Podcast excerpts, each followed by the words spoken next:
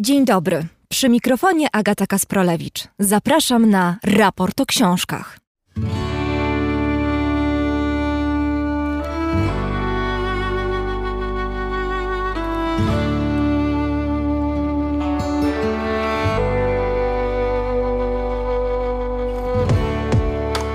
Dubaj to współczesna wieża Babel wybudowana na pustyni. Nie tylko ze względu na wielość języków, którymi posługują się budowniczy, ale także z uwagi na niezwykłą różnorodność ich życiorysów. Nie ma jednego Dubaju, bo to miejsce utkane z marzeń i porażek ludzi, którzy są jego mieszkańcami. Ich historii przez lata słuchała i spisywała je Anna Dudzińska. I tak powstał reportaż Dubaj miasto innych ludzi, o którym we wrześniowym raporcie o książkach opowie autorka. Niczym Fata Morgana na gruzach powojennej Polski, na tle szarego PRL-u, w alejach ujazdowskich w Warszawie. Wyrosło miejsce, w którym muzyka grała do rana, lał się alkohol, tańczyły piękne kobiety, a przy swoich stolikach siedzieli najlepsi polscy artyści, aktorzy, reżyserzy, pisarze. Bawili się do utraty tchu, jakby nie było jutra. Czy taki Spatif, legendarny klub aktora, istniał naprawdę, czy był mirażem, utkanym z tysięcy anegdot, które snuli bywalcy? Bo wódka pita szklankami ściągnęła przecież niejednego w dół, a obok poetów i kolorowych ptaków siedzieli ponurzy ubecy. To pytanie zadam Aleksandrze Szarłat, autorce znakomitej książki Spatif, upajający pozór wolności. Felieton to taki krótki utwór publicystyczno-dziennikarski, który istnieje po to, żeby czytelnik mógł się w nim rozsmakowywać.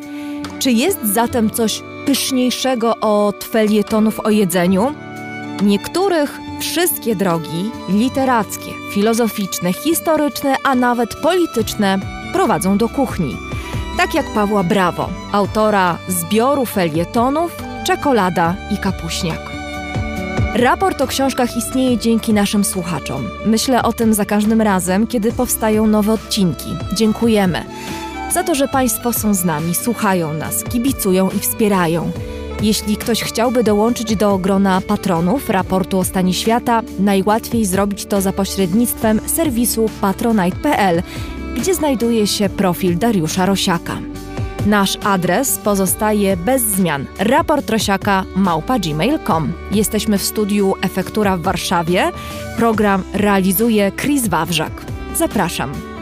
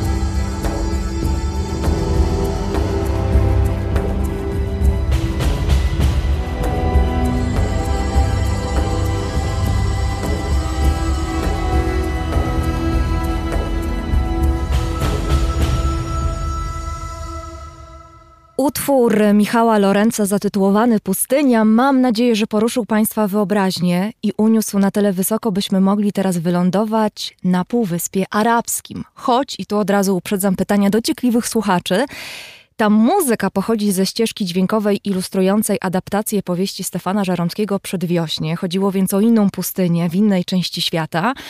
No ale po co mamy w końcu wyobraźnię, jeśli nie po to, żeby przekraczać za jej pomocą granice skojarzeń?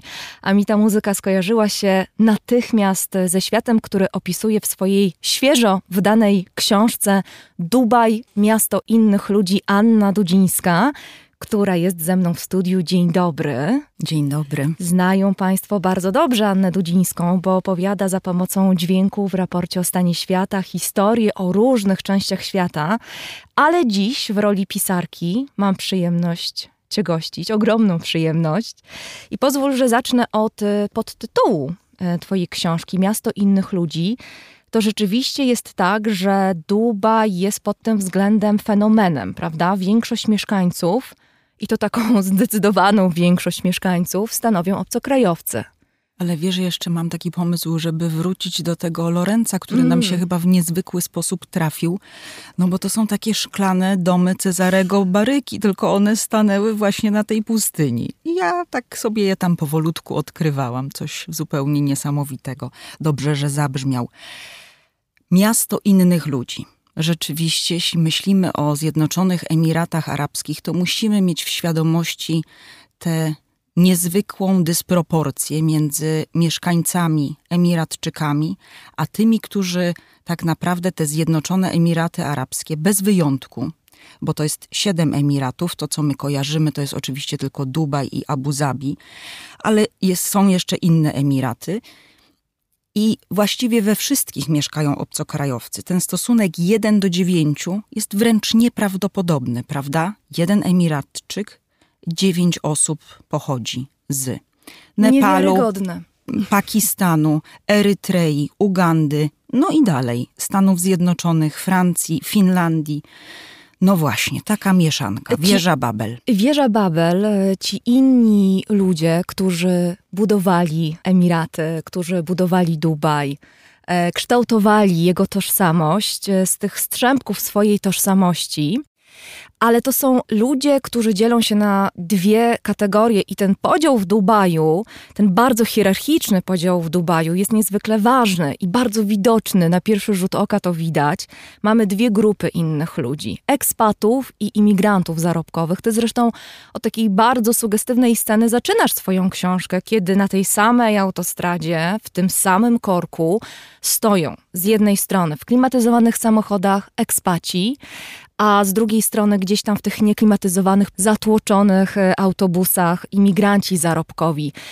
I ta scena, której towarzyszy jeszcze burza piaskowa, pokazuje, jak Dubaj jest światem światów równoległych też które mogą się w ogóle nie spotykać, prawda? Bo jeśli ci z tych luksusowych, klimatyzowanych samochodów nie zrobią zupełnie nic, żeby otworzyć się na tych innych, na tych, którzy tak naprawdę budują dobrobyt Zjednoczonych Emiratów Arabskich w sposób y, wręcz no, po prostu cegła po cegle, czy kawałek bloku betonowego po bloku betonowym, tak? czyli w sposób literalny, no to tak naprawdę tego spotkania w ogóle nie będzie. To jest w ogóle taka mm, rzecz, która trafiła do mnie po pierwszych właściwie paru dniach, kiedy tam byłam, bo nie dosyć, że te białe autobusy, którymi do pracy dowożeni są imigranci zarobkowi, e, są nieklimatyzowane. Co w Oni tej otwierają właśnie, to, to, jest nieprawdopodobne, no bo wręcz właściwie wydaje się, że nie. E, e, myślę, że to się teraz powolutku bardzo zmienia ale jest tak i przez długi czas było, że oni mieli pootwierane okna, czyli otwierali gorące wnętrze autobusu na gorące zewnętrze pustynne i mieli tak po prostu wystające łokcie i oparte głowy ze zmęczenia, bo oni wpadają w taką drzemkę. Ja myślę, że no bardzo y, y, długa dniówka w takim upale powoduje, że są wycieńczeni wręcz, oczywiście. I ta dysproporcja, ten kontrast nieprawdopodobny, to jest coś, co budzi buduje chyba to miasto. Mhm. Myślę, że jesteśmy też winni Państwu, mm, żeby wyjaśnić dokładnie, co znaczy ekspat bo nie wszyscy wiedzą i znają to słowo. To jest takie bardzo ciekawe, dosyć charakterystyczne słowo dla różnych korporacji. Tam pracownicy korporacji doskonale kojarzą, co to jest ekspat. To są ludzie, którzy opuszczają swoją ojczyznę, ekspatria, i jeżdżą za swoją firmą. To tu, to tam. Czyli mogą być przez 5 lat w Singapurze, potem 8 lat w Berlinie i kolejnych 10 lat w Dubaju.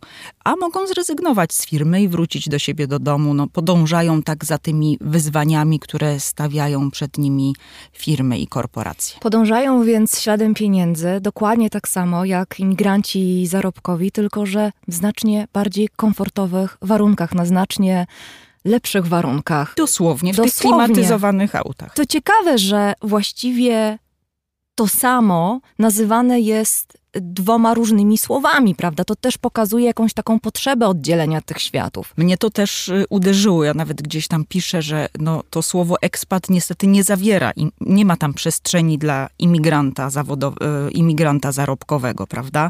Że w tym słowie niestety oni się nie mieszczą. Oczywiście różni ich wszystko, no przede wszystkim różni ich to uposażenie. Nawet bardzo tak y, niezwykle konkretnie zauważyła to jedna z moich bohaterek, y, kobieta, która pewnego dnia, wyglądając przez okno z wieżowca, zobaczyła, że w Dubaj Marinie, to jest taka dzielnica dla ekspatów nad morzem, budowany jest tramwaj.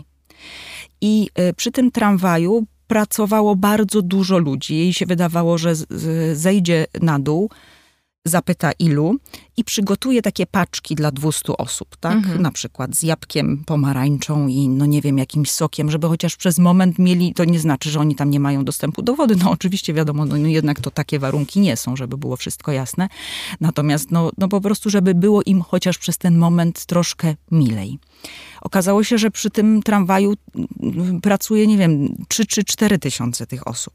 Więc jaki powstał e, pomysł w głowie Stefani. Założyła gdzieś tam na Facebooku taką organizację Dubai Mom Helping Hands. I te mamy z różnych krajów świata wyciągnęły ręce do tych potrzebujących pomocy. Bo to nie jest tak, że ci ludzie, którzy nazywają się ekspatami, nie widzą całkowicie krzywdy tych innych to, to, to naprawdę uderza, więc w związku z tym y, no, jest wiele osób, które chce się dzielić swoją. Ja jakoś wierzę w to, że ludzie są dobrzy jednak na świecie i źli, ale dobrzy po prostu też są. I oni chcą się dzielić tym swoim bogactwem i robią to tak, jak y, potrafią.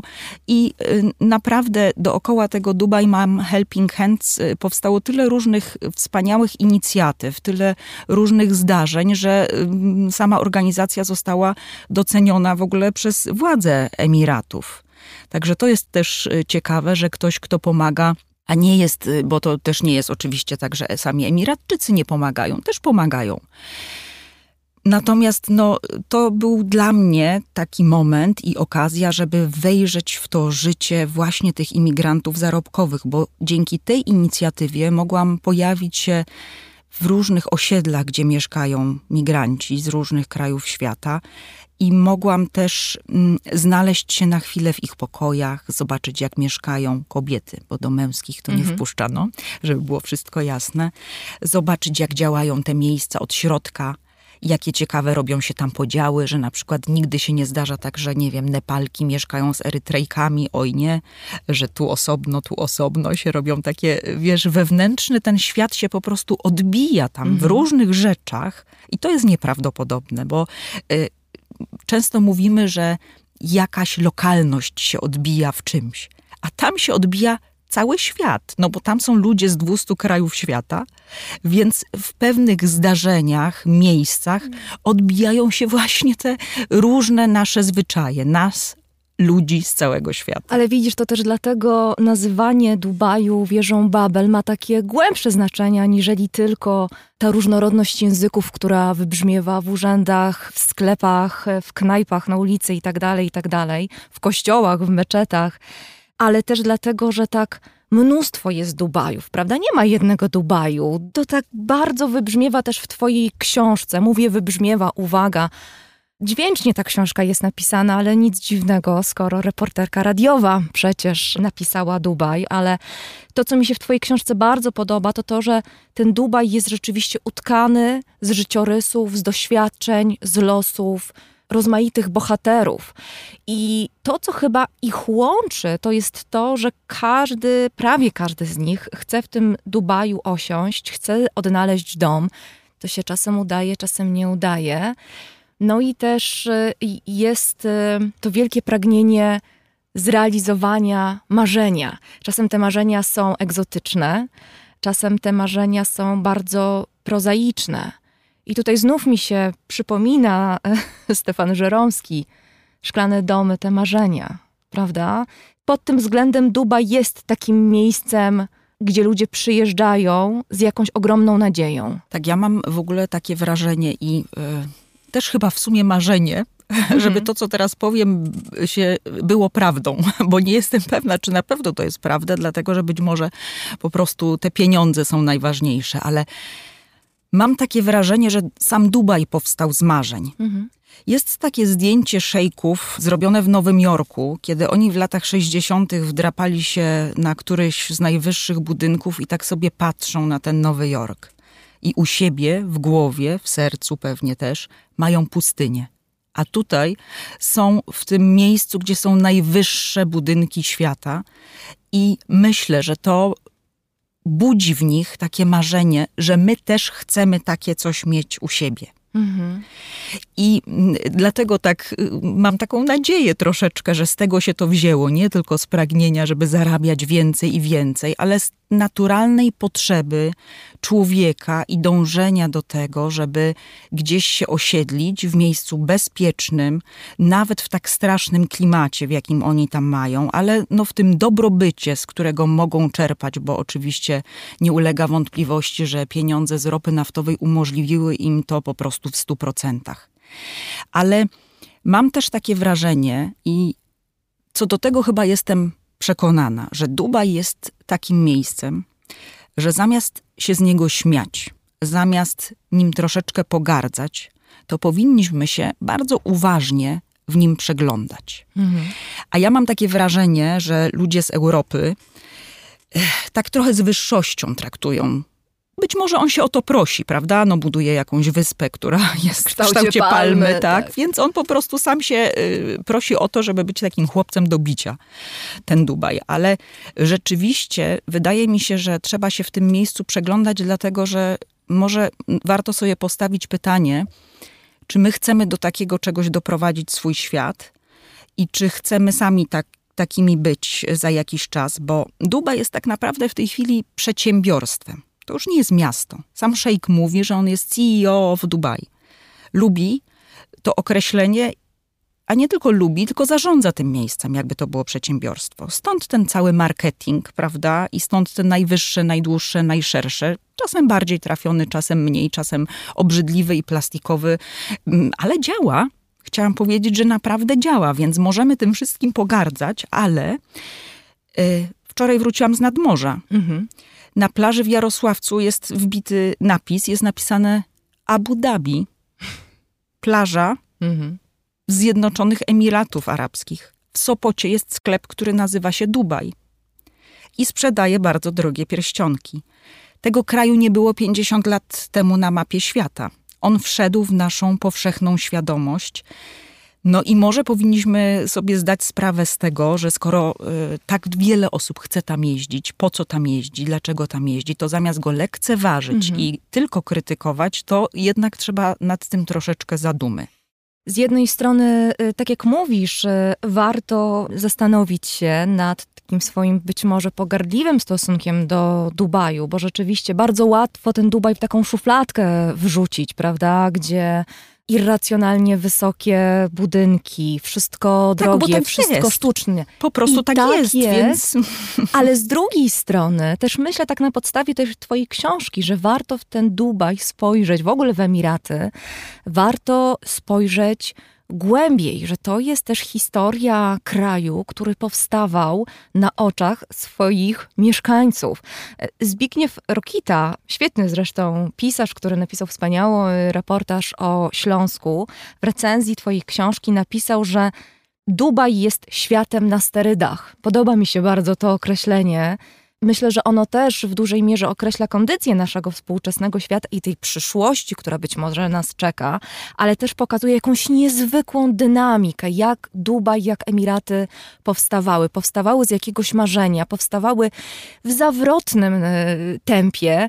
I o tym świadczą też życiorysy Twoich bohaterów. No, jednym z Twoich bohaterów jest Ahmed, Pakistańczyk, który był, uwaga, pierwszym nauczycielem w Abu Zabi i jak przyjechał, e, żeby objąć e, stanowisko nauczyciela, to trafił do malutkiego pokoiku. Jedynie było w nim łóżko i jakaś tam wisząca smętnie żarówka. No jeżeli pomyślimy o systemie edukacji kilkadziesiąt lat później e, w Emiratach, no to to są najlepsze, najbardziej luksusowe, zawrotne szkoły. Tak, oczywiście, no takie szkoły, w których no, nie, rzadko zdarzają się planetaria na wyposażeniu, ale yy, no właśnie, dla mnie to jest też klucz mhm. yy, do zrozumienia tego świata.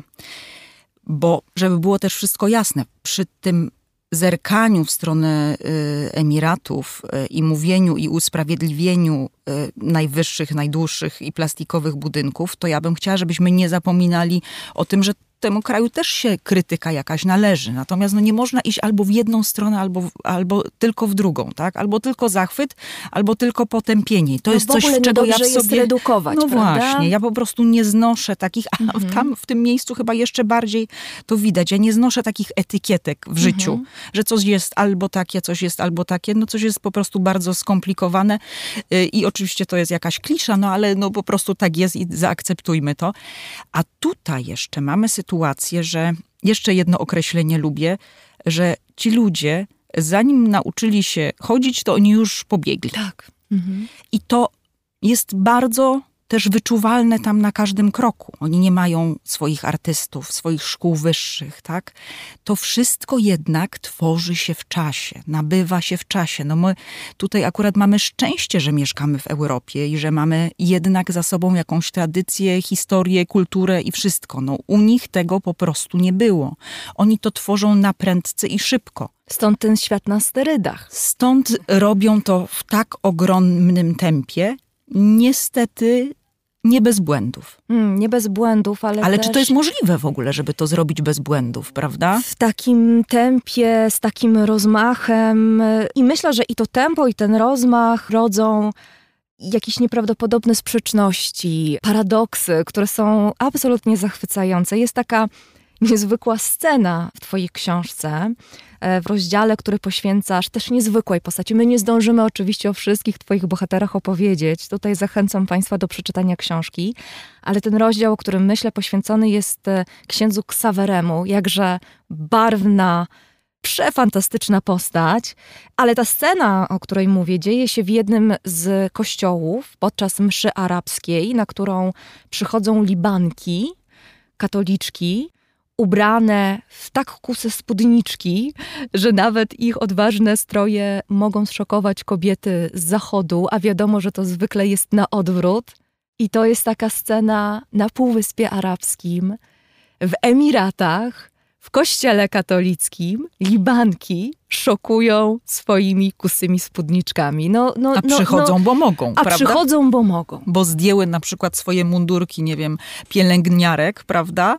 I y, mają taki ten jeden, jedyny dzień, piątek, że no po prostu przychodzą, bo mogą. Po pierwsze mogą przyjść do kościoła katolickiego, co też nie zawsze jest oczywiste. W sąsiednich krajach na pewno y, nie. W sąsiednich krajach mamy 700 kilometrów do Mekki do której wiadomo, że nikt nie muzułmanin nie wjeżdża, a do niedawna w ogóle no, wiara była karana. W tej chwili jakoś się tam akceptuje cichy kościół.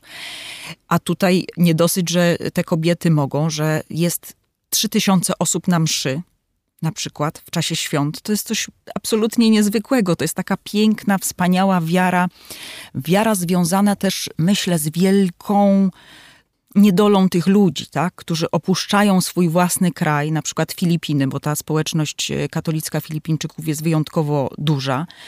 I po prostu ten kościół jest dla nich miejscem, że oni mogą tak psychicznie w jednym miejscu znaleźć się na przykład ze swoją rodziną, która jest y, w czasie Bożego Narodzenia, w czasie świąt wielkanocnych w kościele gdzieś tam w Manili, prawda?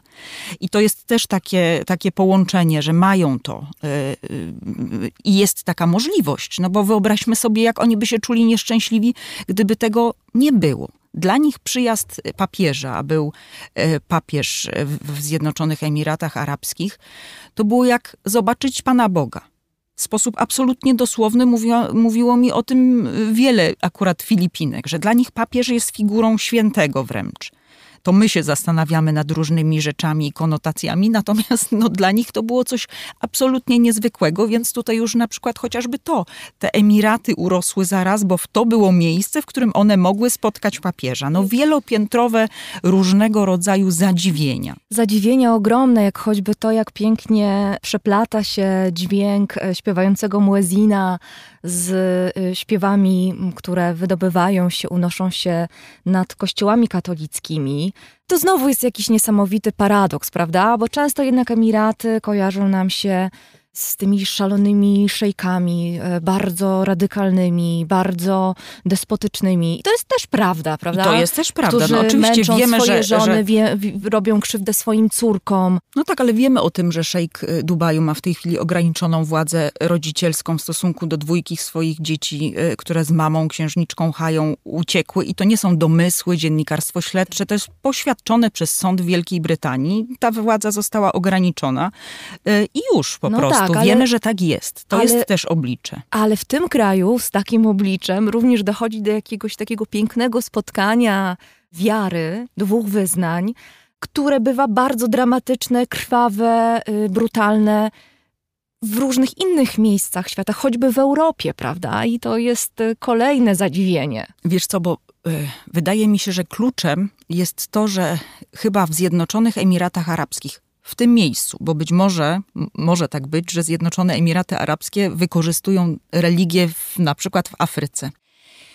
Ale kiedy one nie wykorzystują religii politycznie u siebie w Zjednoczonych Emiratach Arabskich i kiedy katolicyzm też nie jest wykorzystywany politycznie, to się okazuje, że te y, religie dwie mogą ze sobą rozmawiać i mogą rozmawiać rzeczywiście tym zaśpiewem muezina i śpiewem katolickiej e, modlitwy, która spotyka się w tej przestrzeni, która nie jest niczym ograniczona i dźwiękowo nawet ksiądz się zatrzymuje w czasie mszy, bo tam ten muezin na chwilę zachęca e, do, do modlitwy muzułmańskiej.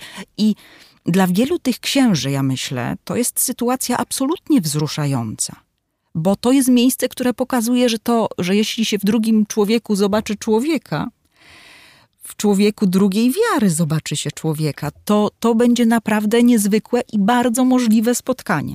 Jeśli zobaczymy w nim wroga, wroga politycznego albo wykorzystywanego politycznie, to tak po prostu nie będzie. No właśnie, wieża Babel na pustyni, ta współczesna wieża Babel na pustyni, jakże niezwykle pojemny jest ten termin w odniesieniu do Dubaju.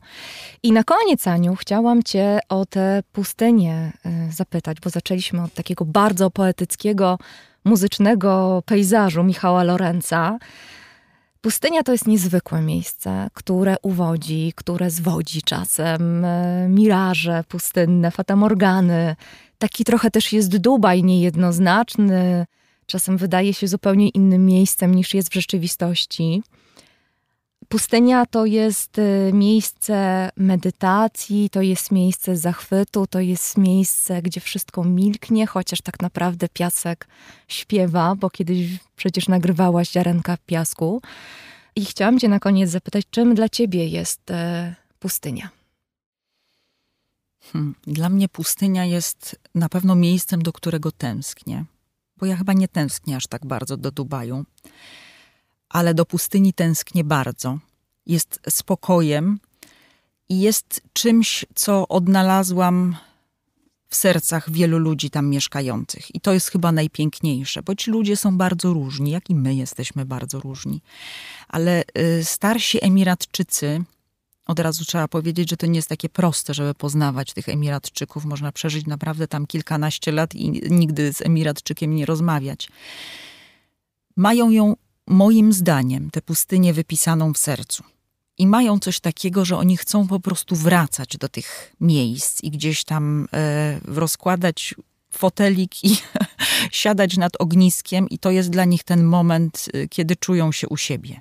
Myślę, że to się tak wryło w ich serca przez ich przodków i e, setki lat, a u mnie przez te zaledwie cztery lata, kiedy miałam taką szansę i okazję, żeby się tym ludziom wszystkim i ekspatom i imigrantom, ale też na szczęście Emiratczykom przyglądać z bliska. To powiedz jeszcze, jak brzmią ziarenka piasku. No to jest taki zupełnie niesamowity y, dźwięk. Ostatnio słyszałam, kiedy y, ro, y, Tomek Rożek puszczał gdzieś mhm. takie dziury kosmiczne i dźwięk jakiś z tego kosmo, z kosmosu. I to bardzo podobnie dla mnie zabrzmiało. Taki, taki huk. Mhm. Te ziarenka są w ogóle takie bardzo obłe, więc to jest dosyć ciekawe, że y, akurat w tym miejscu one tak przesypując się pięknie brzmią. Anna Dudzińska, e, autorka książki Dubaj, miasto innych ludzi, wspaniałego reportażu o bardzo niejednoznacznym e, miejscu, a także reporterka, autorka e, reportaży, których mogą Państwo słuchać w raporcie o stanie świata, gościła tym razem w studiu raportu o książkach. Bardzo Ci dziękuję. Bardzo dziękuję.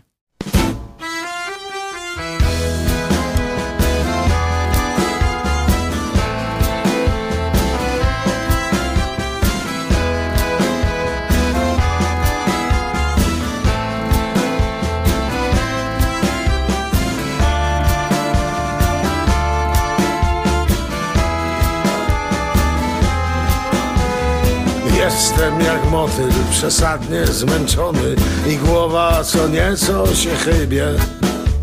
Alkohol ma dobre, ale też złe strony. Do wniosku dochodzę w niedzielę Przy stole. Więc proszę o piwo, cycate anioły, co w koło fruwają fałszywie. Alkohol ma dobre, ale też złe strony. Powróćmy wraz z nimi na chwilę do raju. Powróćcie ze mną na chwilę do raju.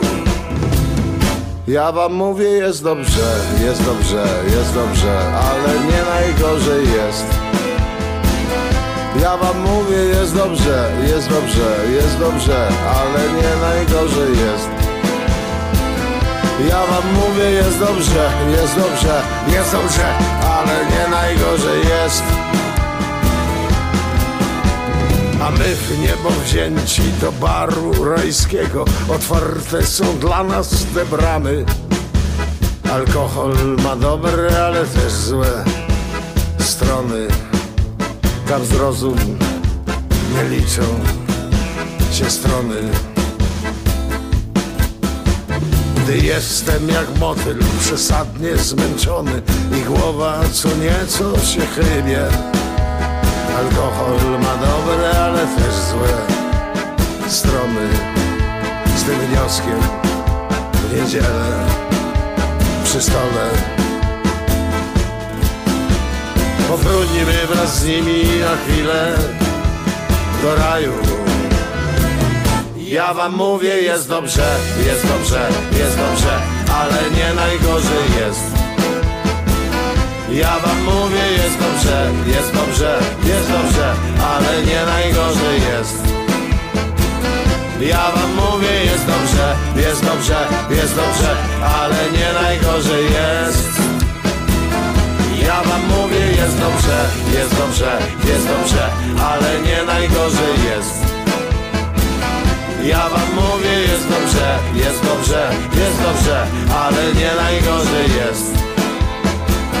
Ja wam mówię, jest dobrze, jest dobrze, jest dobrze, ale nie najgorzej jest.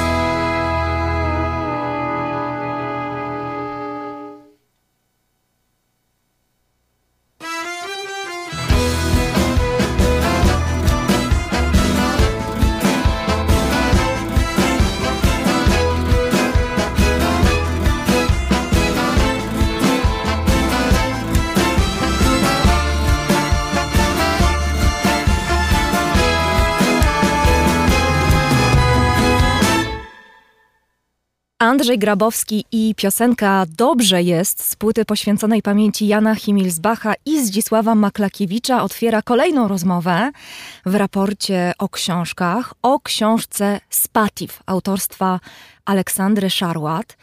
Jan Himilsbach i Zdzisław Maklakiewicz byli zresztą jednymi z najbardziej barwnych bywalców e, Spatifu, czyli restauracji, klubu aktora mieszczącego się przy Alejach Ujazdowskich w Warszawie. A ze mną w studiu jest autorka tejże książki, Aleksandra Szarłat. Dzień dobry. Witam Państwa serdecznie. Od Himilsbacha i Maklakiewicza y, zaczęłam tę naszą rozmowę o Spatifie. Nie tylko dlatego, że to są takie postaci legendarne, anegdotyczne, barwne, to słowo chyba już padło, ale także dlatego, że przywołuje Pani w swojej książce taki niezwykle czuły portret e, Maklakiewicza, który nakreślił Tadeusz e, Konwicki. I jeżeli pozwoli pani, to zacznę od tego właśnie cytatu. A brzmi on tak. Z dzisia należał do gatunku geniuszy, co słynny Franz Fischer, którego ja znam tylko pośrednio z opowieści moich starszych przyjaciół. Jest taka rasa geniuszy, których nie można utrwalić materialnie, to znaczy nie można ich geniuszów zawrzeć w piśmie, ani w dźwięku, ani nawet na taśmie filmowej. Przysłuchując się temu fragmentowi um, opisu, kim Zdzisław Maklakiewicz był, pomyślałam sobie, że to samo określenie, że jest taka rasa geniuszy, których nie da się uchwycić materialnie, że to samo można byłoby odnieść do Spatifu. To było takie miejsce, taki fenomen, którego y, wyjątkowości materialnie nie sposób uchwycić. To było miejsce magiczne, mm. Spatif. Było mm, jakimś nadzwyczajnym punktem y, w przestrzeni PRL-owskiej, bardzo do którego wszyscy ciągnęli, o którym marzyli ludzie, żeby tam się w ogóle dostać, chociaż raz i chociaż raz zobaczyć właśnie, czy Zdzisława Maklakiewicza, czy Jana Himilsbacha, czy Zofię Czerwińską, czy Gustawa Holubka, czy Tadeusza Konwickiego. No po prostu wszystkie gwiazdy, również kobiety, Beata Tyszkiewicz bywała, Małgorzata Braunek, wszyscy tam w tym Spatifie bywali. I powstawało coś niesłychanego, jakaś cudowna, fantastyczna atmosfera, której nigdzie indziej nie było. A przypom przypomnijmy, że to był PRL, to były lata różne. Ja w swojej książce, jak gdyby prowadzę taką narrację od początku tego klubu, od momentu, kiedy on e, powstał, od jego takich zalążków, e, aż po współczesność. I przeprowadzam też y, przez ten czas bohaterów, właśnie wspomnianych też przez, y, przez panią. Bardzo, i przyznam szczerze, że bardzo jak gdyby sama weszłam w ten świat. Mhm. Bardzo tam chciałabym być, chciałabym to zobaczyć y, i starałam się to pokazać jakby z lotu ptaka.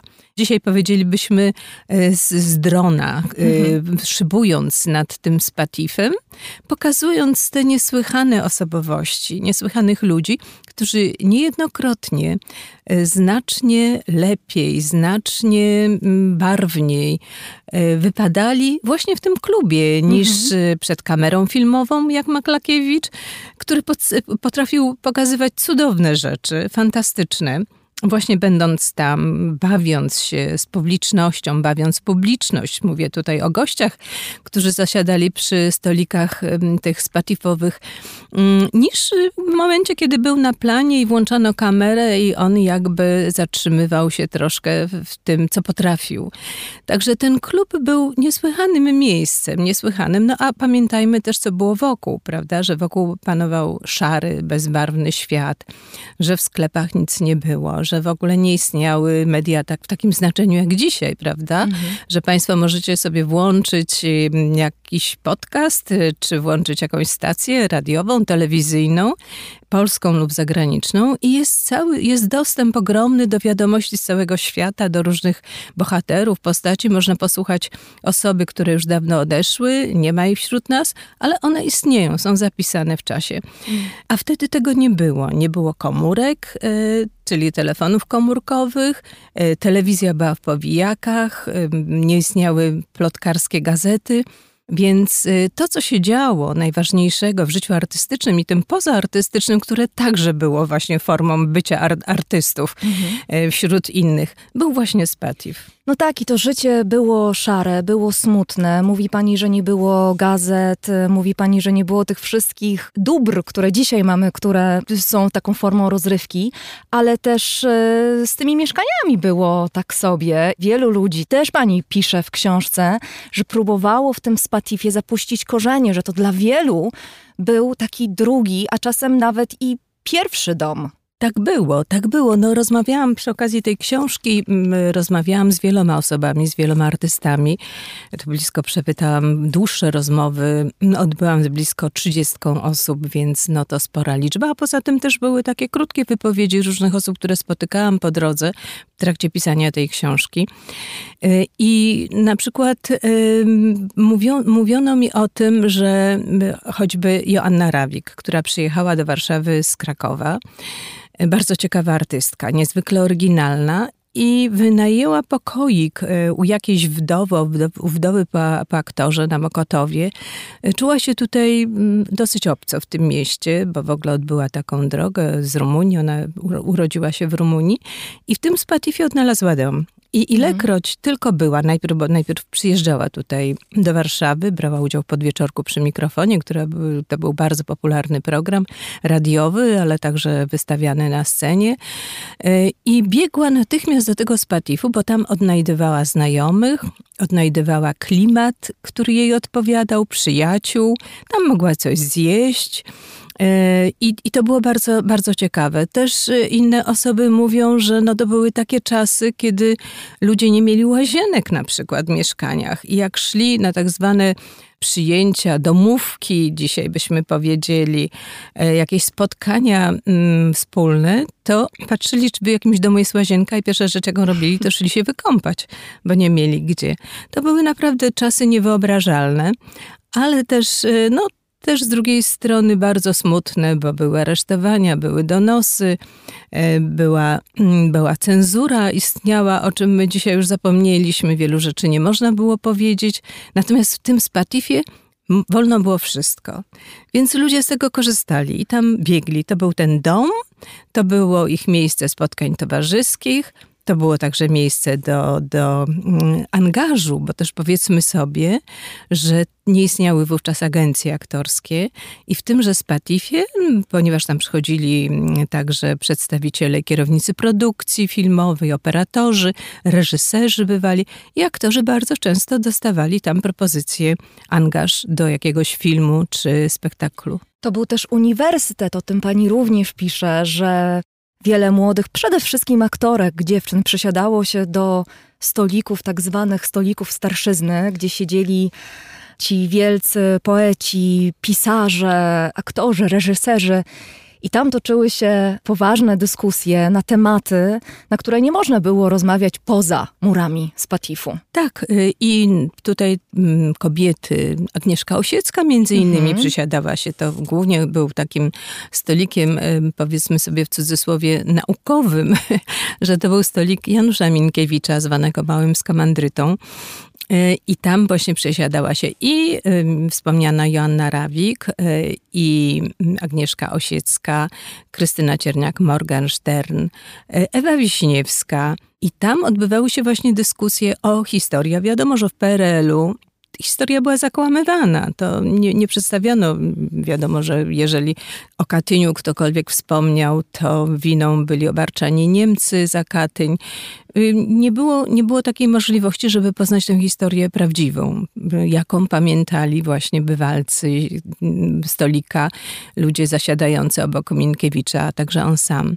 Także bardzo to było ciekawe, bardzo pouczające i mówiono o tym, zresztą także nie tylko kobiety, bo też Bogdan Tomaszewski mhm. tam przysiadywał i mówił, że bardzo wiele się dowiedział, wielu, wielu rzeczy się nauczył. Pięknie zresztą e, wspomniana przez panią Agnieszka Osiecka o Januszu Minkiewiczu e, pisze w szpetnych czterdziestoletnich i pisze tak. Tak więc był Minkiewicz pisarzem niepiszącym, ale czy był pisarzem milczącym? Oczywiście nie. Uważam, że tak jak Arystoteles oświecał swoich uczniów na spacerach, tak Janusz oświecał nas przy kieliszku wódki, a później przy szklance herbaty. I tak sobie myślę, że ciekawe to są historie, że Maklakiewicz był aktorem, który najlepsze swoje role grał przy stoliku w Spatifie, a wcale nie na scenach y, teatralnych, czy wcale nie przed kamerą filmową. Kolejna wielka postać Spatifu, czyli Janusz Minkiewicz, był pisarzem niepiszącym i to wszystko gdzieś tak się wymyka z ram. Wszystko to jest gdzieś takie niedopowiedziane. I w tym sensie też pomyślałam sobie, że jest coś takiego magicznego w Spatifie, że to było takie miejsce, które kompletnie się wymykało i którego, no właśnie, tutaj znów przywołam e, to zdanie Konwickiego, nie da się uchwycić materialnie, bo to, że gdzieś działo na innych rejestrach wszystko. I właśnie bardzo mi było żal tego, że to wszystko jest ulotne, mm, że, ulotne. To, że to znika, że nie ma. No, kiedy dzisiaj pójdziemy do, do Spatifu, wiem, że pani miała taki pomysł, żebyśmy tam, od, tam odbyły naszą rozmowę i byłoby to mm, miejsce bardzo ciekawe i być może właśnie duchy przeszłości by do mm. nas przyszły. Natomiast y, to już jest inne miejsce, to jest zupełnie inny Spatif.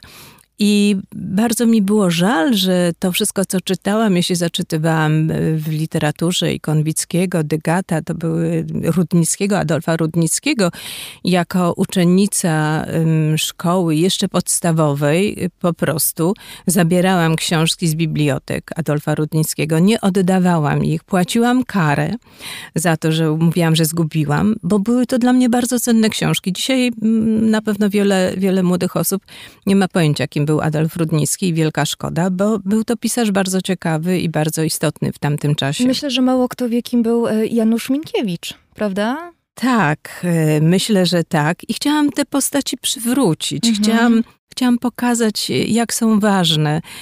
I też w jakimś wywiadzie Krystyna Cierniak-Morgenstern powiedziała, że najbardziej jest jej żal tego, że właśnie wszyscy zapominają o Januszu Minkiewiczu.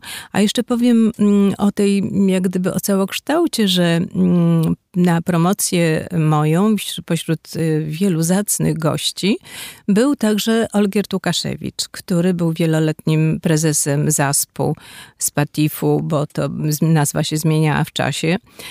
E, czyli Związku Artystów Scen Polskich e, i podszedł do mnie i powiedział, że bardzo mi dziękuję, ponieważ zdjęłam kamień z mhm. jemu z serca, gdyż on się bał, że to wszystko, ta cała historia, cudowna historia klubu aktora, Spatif zginie. No, postarałam się, żeby nie. Chciałam, żeby ona była jak najbardziej żywa, żeby, żeby od, nie wiem, czy mi się udało, ale mam nadzieję, że chociaż w jakiejś mierze chciałam oddać atmosferę tego klubu, tych cudownych rozmów, dyskusji, różnych zresztą, bo różne tam były dyskusje, nie wszystkie były takie górnolotne i wspaniałe, bo też i się kłócono, ale chciałam to zachować, utrzymać y, jakby w pamięci. A to zadanie niezwykle trudne, bo użyła Pani takiego zwrotu ulotność. Rzeczywiście, to jest y, bardzo ulotna historia.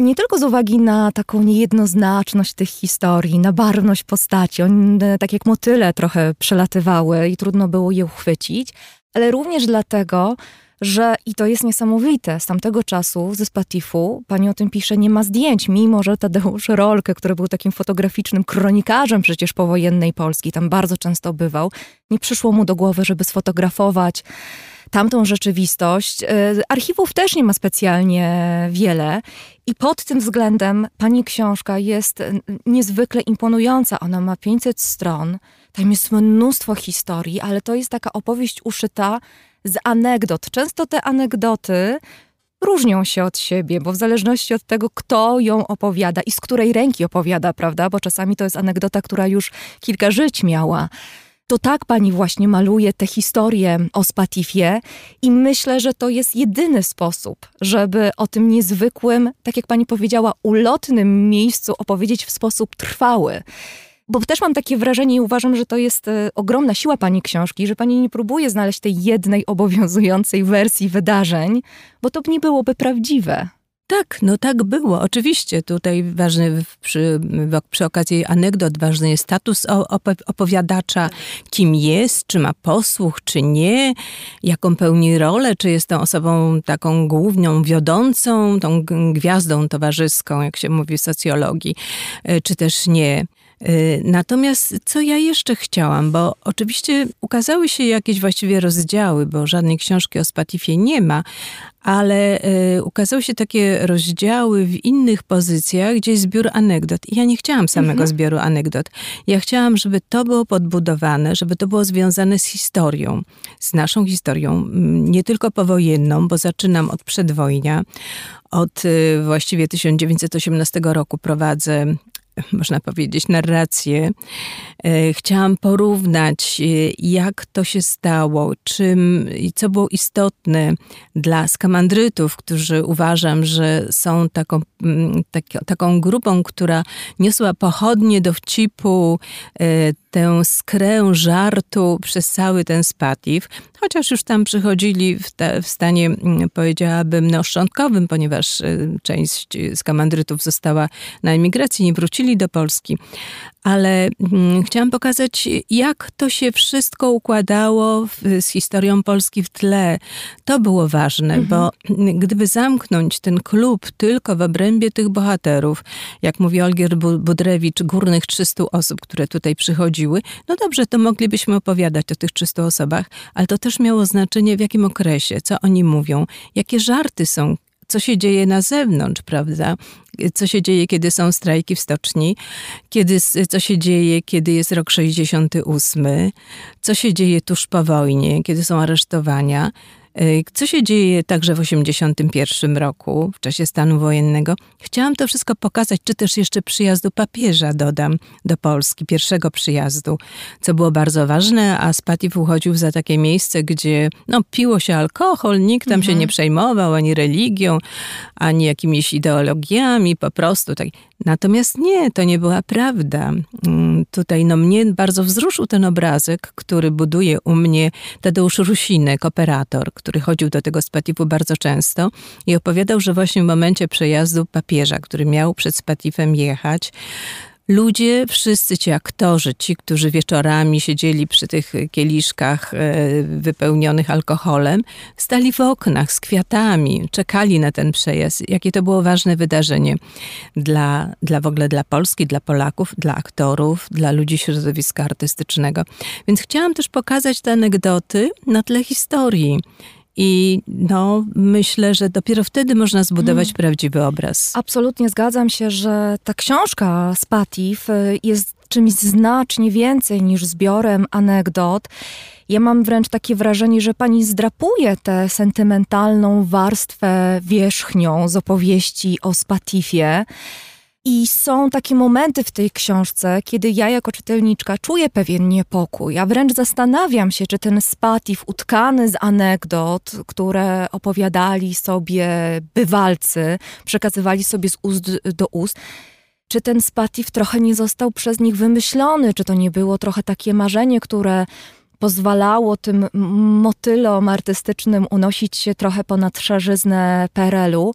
A ten prawdziwy spatif, o ile w ogóle można mówić o prawdziwym spatifie znów, prawda, bo to takie ulotne słowo, spatif, czy on nie był jednak momentami znacznie bardziej ponury, znacznie bardziej okrutny, seksistowski, przepełniony alkoholem, który nie tylko niósł te skecze, ale również e, ściągał e, wielu na dno. Tak było, tak było, oczywiście.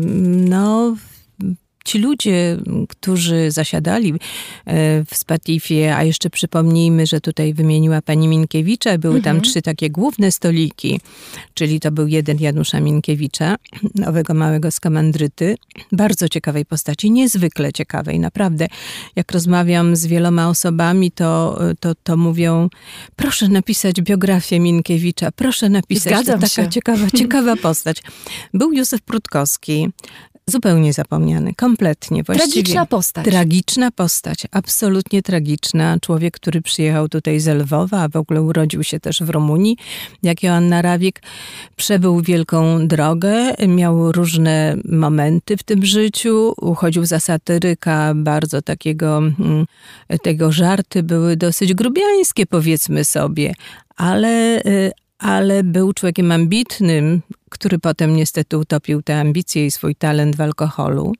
I trzeci stolik Stanisława Wola, o którym też nie mówimy dzisiaj, wybitnego operatora, bardzo ważnej postaci w, w kraju, współtwórcy polskiej kinematografii, szkoły filmowej w Łodzi, bardzo, bardzo ważnej postaci to, e, to wszystko mm, gdzieś uleciało, tego, tego nie ma. Natomiast pomiędzy tymi ludźmi, e, przy czym o ile można było o Prutkowskim czy o Minkiewiczu mówić o alkoholu, to o, o Stanisławie Wolu nikt by się nie odważył. To był człowiek, który cieszył się wielkim poważaniem e, i szacunkiem. I nawet kelnerki, też fantastyczna sprawa i też w ogóle osobny rozdział tej, tej książki, tego klubu, e, czyli osoby, które tam pracowały, pan Franek, E, pan, pan Adaś, szatniarz, tak? Szatniarz, tak, mhm. kelnerki. To wszystko był, był taki świat, jakby drugi, drugi plan, ale który bardzo często przebijał na pierwszy. I te wszystkie postaci tworzyły krąg niesamowity. Na tym tyle rozgrywały się tam bójki. To, co pani mówi, właśnie bardzo często to picie alkoholu było wstępem do alkoholizmu, do piekła. E, nie I każdy niestety nie każdy wygrał, radę. Tak. Nie każdy wygrał, wyszedł. No, Krzysztof Mętrak choćby, no, bardzo ciekawa postać.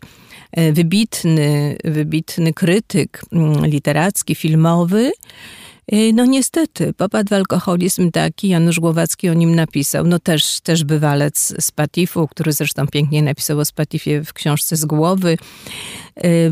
Powiedział, że był taki moment właśnie, że Krzysztof y, coraz wcześniej przychodził do Spatifu i coraz później z niego wychodził.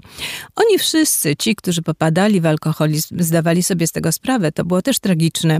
Ja czytałam dzienniki mm, Józefa Prutkowskiego, który zresztą mówił o sobie Primowoto Nacht, ponieważ zmienił nazwisko po, po wojnie, w czasie wojny właściwie był prześladowany. Wiadomo, był, był narodowości żydowskiej i naprawdę nosił na nazwisko Nacht i tak się przedstawiał Primowoto jako, jako człowiek, który miał dystans do siebie jednak zabawnie. Więc e, oni wszyscy mm, właściwie ginęli. I Prutkowski, któremu zarekwirowano dzienniki z lat 64, 68, 9 potem, chyba w 69 roku, po 68 zarekwirowano, służba bezpieczeństwa zarekwirowała mu dziennik. Czytałam ten dziennik, ręcznie pisany i on pisał, zaczynam przypominać Broniewskiego, nie z pisania, nie z literatury, tylko z alkoholizmu. Mm. Więc zdawał sobie sprawę, tak samo mętrak, ale potem zaczynali szukać dobrej strony w tym alkoholu, że alkohol daje dystans do życia, że, że przywraca poczucie tożsamości, więc y, no, usprawiedliwiali się. No i były też sprzeczki pomiędzy pisarzami, a czasem dochodziło w ogóle do bujek, to też było, mm, ja to opisuję, y, tutaj prym wodził Marek Chłasko, że ba bano się przy czym też były zabawne historie, bo kiedyś zdarzyło się właśnie, że była taka bójka mm, szalona, że wszystkie trzy salki, to Olgier Budrewicz opisuje, że wszystkie trzy salki z Patifu się zakotłowały, mm, wywołał tę bójkę znany grafik. Ja podejrzewam, że to chodziło o Starowiejskiego, ale ponieważ nie miałam potwierdzenia, że o niego, więc nie pominęłam to nazwisko, ale z innych y, informacji wynika, że jednak tak. I, I Starowiejski miał się pobić z jakimś przedstawicielem prywatnej inicjatywy, bo czasem takim ludziom też się udawało tam wejść. Bo powiedzmy jeszcze, że były oczywiście sprawdzane legitymacje stowarzyszeniowe, albo pan Franio wpuszczał po tak zwanym uważaniu. I właśnie w tej bitwie wziął udział Marek Chłasko, który stłukł wtedy stolik szklanym, ze szklanym blatem. Na drugi dzień przyszedł przepraszać E, z, narzęcz, z, na, z naręczem gladoliusów, czyli z kwiatami. E, no ale przy okazji stłukł głową jakiegoś filmowca lustro. Więc znowuż przyszedł przepraszać i znowu to się źle skończyło, jakąś bójką i rozrubą i potem mówiono w Spatifie, że wszystko byłoby dobrze, Marek Chłasko byłby bardzo miłym gościem, gdyby tylko nie przechodził przepraszać. I widzi pani, to jest piękna anegdota, która po latach brzmi uroczo, ale niestety wśród tych e, poetów, artystów, rozmaitych muzyków, aktorów, reżyserów byli w Spatifie też e, ubecy i pani o tym również w swojej książce pisze. Jest mnóstwo postaci niejednoznacznych, a ten alkohol e, w nadmiarze, i to jest też przypadek pewnie Józefa Prutkowskiego, powodował, że te granice trochę się zacierały. Powodował, że ci ludzie upojeni tym alkoholem za bardzo byli łatwiejszym celem. I to jest kolejna ta warstwa sentymentalna, którą można zedrzeć z obrazu Spatifu i wtedy to już nie wygląda tak pięknie. To wtedy już nie Tak. jest takie lekkie, ulotne i zabawne, prawda? To I się anegdotyczne. zgadza, ale na przykład ja szukałam w IPN-ie dowodów na to, że na przykład Józef Prutkowski był na usługach Służby Bezpieczeństwa. Otóż nie był. Otóż nie był. Jemu założono teczkę, jego mm, szpiegowano, zabrano mu, miał przeszukanie, miał rewizję w domu.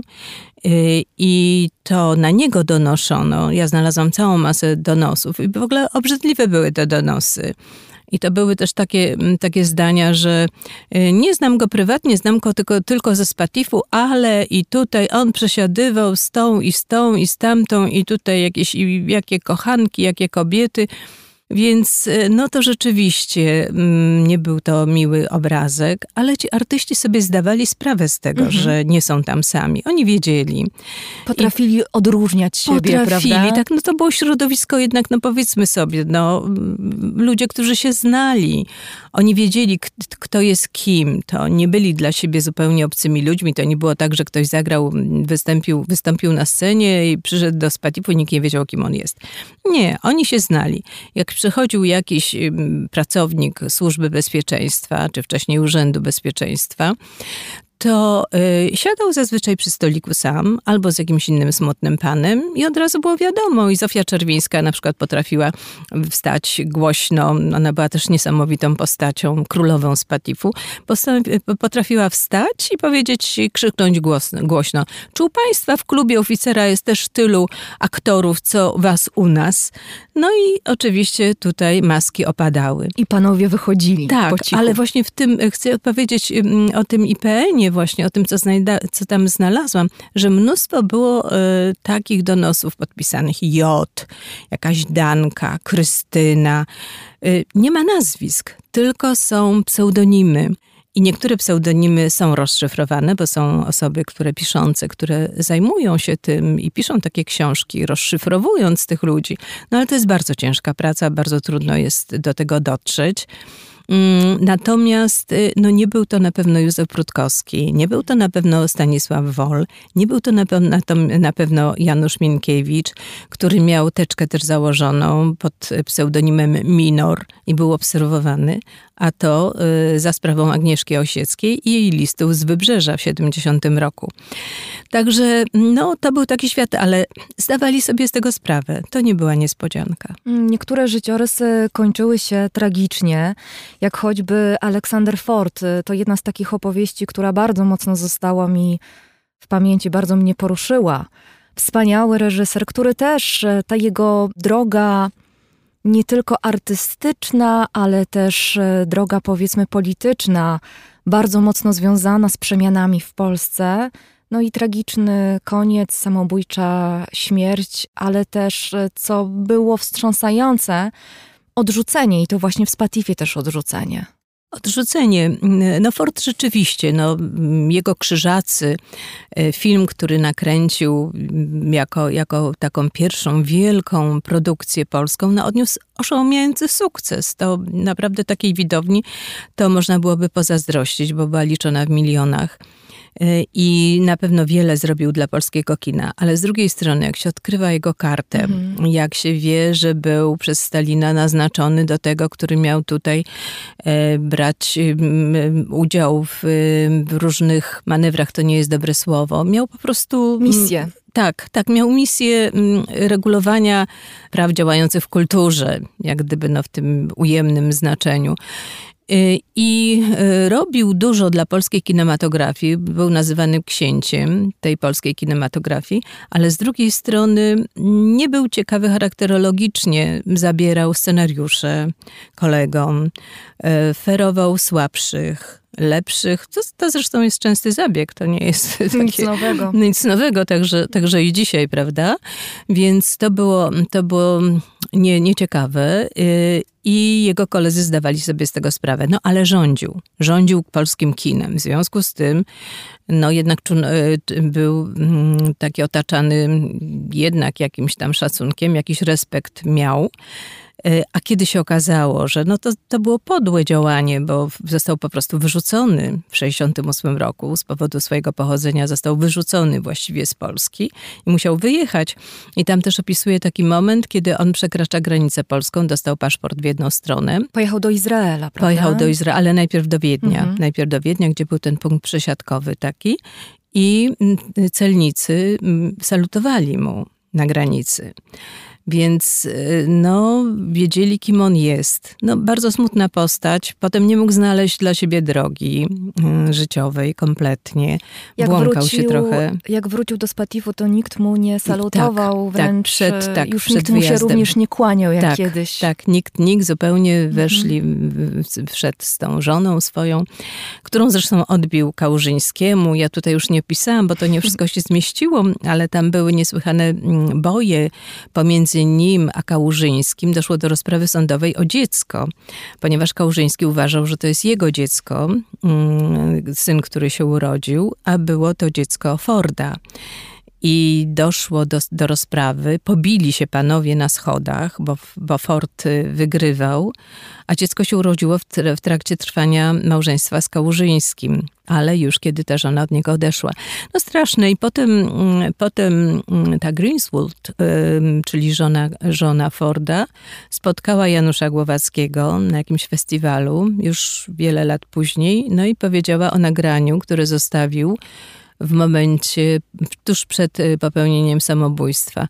No i to nagranie jest szokujące. Tak. Nie będziemy, nie, nie będziemy, będziemy tego zdradzać, nie, ale rzeczywiście wstrząsający koniec trudnego życiorysu, gwałtownej, takiej momentami okrutnej, momentami brutalnej biografii.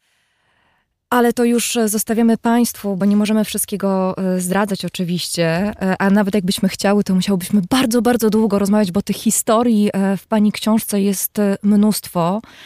Ale na koniec chciałam zapytać, kiedy tak naprawdę Spatif przestał istnieć? Ja myślę, że to się stopniowo dokonywało. To się dokonywało stopniowo. Tam e, takim momentem przełomowym był remont, e, który był w latach 76-79, kiedy przeprowadzono Spatif do takiej knajpki, która była na roku Mokotowskiej i Pięknej. No i tam przychodzili ci dawni bywalcy, ale już bez takiego entuzjazmu, już nie było tak wesoło jak w tym poprzednim. Pod kogutem tak najpierw Pod kogutem, nazywało, tak. Prawda? To była kiedyś mhm. jadka końska w ogóle przedtem.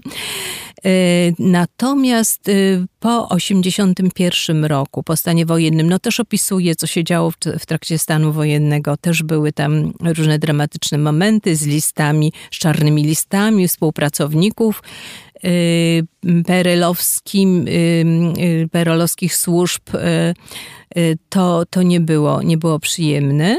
Natomiast po tym 80 roku właściwie do transformacji ustrojowej jeszcze ten spatif trwał, jeszcze przychodzili goście. Później także na początku lat 90. zbierali się na wódeczkę, na jajeczko. Zresztą mam kontakt z tymi osobami, bo dzwonią do mnie, nawet wczoraj dzwonił, dzwonił do mnie pan, który mm, siadywał przy stoliku z Wojtkiem Gąsowskim, z Jerzym Hoffmanem, z Kajtkiem Frykowskim z okazji jajeczka, mm, czyli przed Wielkanocą, jakiegoś śledzika. Spotykali się ale potem coraz mniej osób przychodziło, zmieniali się ajenci, to też miało wielki mhm. wpływ na Spatif, a ostatnio właśnie wszyscy mają wielki żal, muszę to powiedzieć, aktorzy, że pozdejmowano ze ścian portrety tych wszystkich sławnych gwiazd, które tam bywały. No i trochę szkoda. I dzisiaj w Spatifie króluje jazz, króluje młode pokolenie, e, są pokazy filmowe, e, na pewno kuchnia wegańska, trzeba powiedzieć. Na pewno są tam też ciekawe postaci, być może też o nich kiedyś powstanie książka. Mm, z tego jazzu to pewnie Tyrman byłby bardzo zadowolony. Oj prawda? tak, oj tak, na pewno bardzo.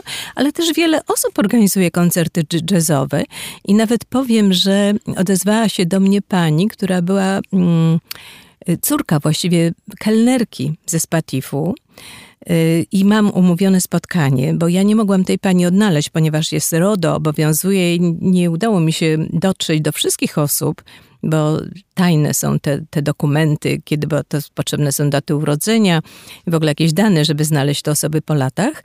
Natomiast odezwała się do mnie córka tej pani. Jesteśmy umówione w przyszłym tygodniu, a córka organizuje koncerty jazzowe i współpracuje ze Spatifem. Hmm. Chciałam jeszcze zapytać Panią, i to nie tylko z punktu widzenia tej książki, bo jest Pani autorką wielu innych e, opowieści o polskim świecie artystycznym. Co ten świat artystyczny polski stracił wraz z, z końcem Spatifu? I mam na myśli Spatif nie jako restaurację, nie jako pomieszczenie, tylko no właśnie jako ten fenomen, którego nie da uchwycić się materialnie? Co się zmieniło w Polsce, szczególnie w tym towarzystwie artystycznym wraz z upadkiem Spatifu? Ludzie przestali chcieć być razem. Mhm. Kiedyś to było wielką wartością i ja uważam, że jest to ogromna wartość, kiedy spędzamy czas z innymi. Proszę zobaczyć, jak teraz żyjemy. Każdy żyje w, swojej, w swoim czasie, w swoich książkach, ze swoimi serialami. E, jesteśmy, każdy jest osobny, no fantastycznie, ale nie cenimy już tego bycia razem, e, tego fermentu, który mhm. powstawał. To był taki ferment niezwykle kreatywny, bo przy okazji wspólnych rozmów zawiązywały się pomysły, scenariuszy, y, grano, rulki jakieś małe, jakieś właśnie miniatury. Y, tutaj wracam do Maklakiewicza, prawda, który odgrywał przeróżne scenki. No w ogóle fantastyczne, cudowne. No nie opowiedziałam tutaj tych anegdot, które tam są, które mnie samą tak ogromnie bawiły. Kiedy je badałam, oglądałam, y, starałam sobie wyobrazić. No nie jesteśmy razem. I wtedy walczyłam walczono o to, żeby, żeby ta jedność wyrażała się także i w teatrze, prawda? No przykładem tutaj dziady, to co się działo wokół dziadów, prawda? A dzisiaj i wtedy było coś takiego, że e, byliśmy my, mówię tutaj o społeczeństwie, o aktorach, o wszystkich, którzy, którzy starali się być razem z nimi, przynajmniej myślą, a z drugiej strony byli oni, czyli władza. A w tej chwili społeczeństwo jest tak podzielone, mhm. że to w wielu przypadkach jest niemożliwe. I to straciliśmy. Ja sobie też myślę, że Spatif był takim miejscem, gdzie było się dla bycia, bo mówi pani o tym, że tam e, powstawały zalążki jakichś pomysłów artystycznych, scenariuszy. Nie zawsze to się przekuwało na nic konkretnego, bo to chyba też nie chodziło o to, żeby, żeby coś z tego e, powstało, tylko żeby pobyć, żeby pożartować, żeby porozmawiać, żeby pośpiewać żeby potańczyć do, do, do tej melodii, którą Maklakiewicz wygrywał na fortepianie do Białego Świtu. I Solarz też, Wojciech no Solarz no chwytał za kontrabas i grał cokolwiek, byle do rytmu, a ludzie mm. myśleli, tak mówi Wojciech Solarz, reżyser, i tak mówi, że tak właśnie było. No to było cudowne, to bycie razem. Mm. Ja pamiętam też moich rodziców, y, pokolenie y, przedwojenne, które przeszło wojnę. Ta trauma wojny miała wielkie znaczenie. To, że oni potem chcieli to wszystko odreagować. I właśnie to bycie razem, to śpiewanie, ta radość, y, która no, była podszyta tym, co się dzieje, jak już mówiłam, już tą codziennością, ale to było fantastyczne. A popatrzmy dzisiaj, no każdy żyje w tej swojej mm. bańce, transmituje swoje życie do, do mediów społecznościowych. No mnie na przykład bardzo śmieszy, jak ja czytam takie wyznania w mediach mojemu mężowi, ukochanemu w rocznicę tam, nie wiem, dwudziestą naszego ślubu składam najserdeczniejsze życzenia, całusy i, i w ogóle, w ogóle. No ale przepraszam bardzo, no to takie rzeczy to się składa w domu. Hmm. To się temu mężowi siada na kolanach, obejmuje się go. I na tym polega to bycie razem, a nie na tym, żeby transmitować to do mediów. No, ewentualnie w Spatifie grało się jakiś utwór skomponowany specjalnie na, na te urodziny i cały klub tańczył, śpiewał, ale to takie czasy, które chyba już nie wrócą, ale dobrze, że były. Dobrze, że były. I ja się bardzo cieszę, że udało mi się jeszcze zebrać osoby, które to pamiętają, bo tych osób jest coraz mniej. W trakcie pisania mojej książki musiałam pożegnać y, czterech moich rozmówców, odszedł Daniel Passent, odszedł Ignacy Gogolewski, odszedł Andrzej Bohdanowicz, zwany koniem, celebryta warszawski. Także to, to było mm, bardzo, bardzo smutne były, były te pożegnania. Andrzej Korzyński, nie wymieniłam jeszcze Andrzeja Korzyńskiego, wybitnego kompozytora. I bardzo, bardzo ich brakuje. No i brakuje wielu osób. Y, dla mnie przeszłość, bo wspomniała Pani, że, że moje książki bardzo często właśnie opisują to, co się zdarzyło, to dla mnie przeszłość jest y, elementem budowania tożsamości. Jedynym właściwie, co mamy, jedynym, jedynym co mamy, to jest przeszłość, czyli nasza pamięć i czas. I tutaj zaczynam, mm, piszę taki wstęp, jak gdyby tłumacząc to wszystko, że oni wszyscy modlili się do czasu. Hmm. Przywołuje tutaj Brandysa, przywołuje e, innych bohaterów e, tamtych czasów, Dygata. No, cudowne, cudowne rzeczy, cudowny czas, który przeminął ale oni są, zostaną w mojej książce. Dobrze, że byli i dobrze, że są właśnie w książce. Aleksandra Szarłat, e, autorka wielu książek o polskim świecie artystycznym, o aktorach, o reżyserach, a także tej ostatniej e, wspaniałej książki, którą bardzo serdecznie Państwu polecam, Spatif, upajający pozór wolności. Dziękuję bardzo. Dziękuję bardzo również. Dziękuję, pozdrawiam. Wielkie podziękowania także dla wszystkich Państwa, którzy nas słuchają, bo raport to nasze wspólne dzieło.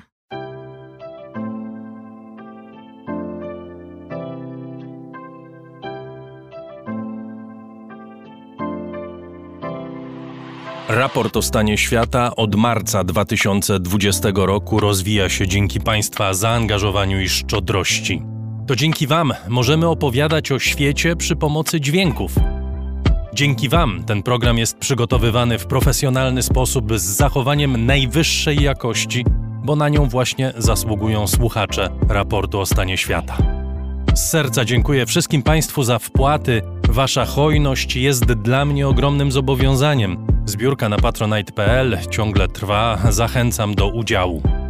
Najhojniejsi patroni raportu o stanie świata to firma Ampio Smart Home Aureus. Leasing, kredyt, ubezpieczenia, księgowość. Sprawdź nas na www.aureus.pl.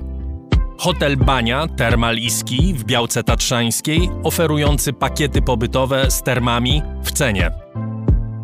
Firma doradcza Crido. Galmet. Polskie pompy ciepła. Gdzie polek.pl. Wyszukiwarka leków w aptekach stacjonarnych i internetowych.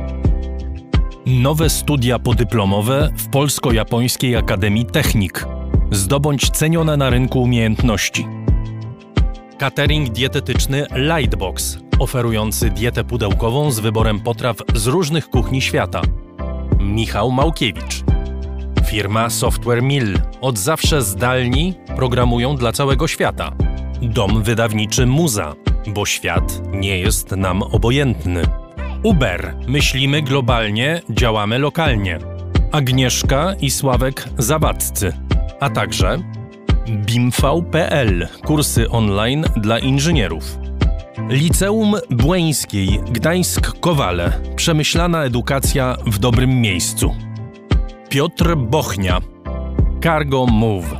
Polska firma spedycyjna o globalnym zasięgu. Transport, spedycja, logistyka. CIO Net and Digital Excellence. Łączymy ludzi i idee. Grupa brokerska CRB. Ubezpieczenie należności dla Twojej firmy. Bezpłatne porównanie ofert www.grupacrb.pl Muzeum Kinematografii w Łodzi, organizator festiwalu mediów Człowiek w zagrożeniu www.człowiekwzagrożeniu.pl Agata Fischer JMP z miłości do sportu, z najlepszych tkanin w sercu Podhala szyjemy dla Was porządną odzież. Palarnia kawy La Cafo z Augustowa. LSB Data. Dedykowane aplikacje internetowe dla biznesu. Masz pomysł? Zrealizujemy go. lsbdata.com Wydawnictwo Uniwersytetu Łódzkiego. Wydawca książek serii Krótkie Wprowadzenie. Wszystko, co trzeba wiedzieć. Aplikacja Moja Gazetka. Polska proekologiczna aplikacja zakupowa z gazetkami promocyjnymi i nie tylko. Moja gazetka. Kupuj mądrze. Firma Prosper z Sosnowca, hurtownia elektroenergetyczna i właściciel marki Czystuś. Drukarnia cyfrowa totem.com.pl. Dla nas książka zasługuje na najwyższą jakość. Fundacja Wasowskich, opiekująca się spuścizną Jerzego Wasowskiego i wydawca książek Grzegorza Wasowskiego. Szczegóły na wasowscy.com. Wayman oprogramowanie wspomagające firmy inżynieryjne w zarządzaniu projektami, stworzone przez polskich inżynierów dla sektora projektowego. www.wayman Software. Dziękuję bardzo. To dzięki Państwu mamy raport o stanie świata.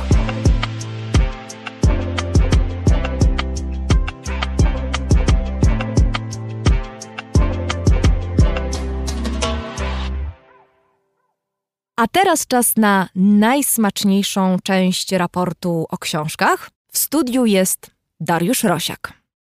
Aisz, kto tak pięknie woła na chleb, jest mi bratem. Słowa przerzucają niepojęte mosty, nawet gdy nie dochodzi do żadnej sytuacji komunikacyjnej, jaką uczenie roztrząsają językoznawcy.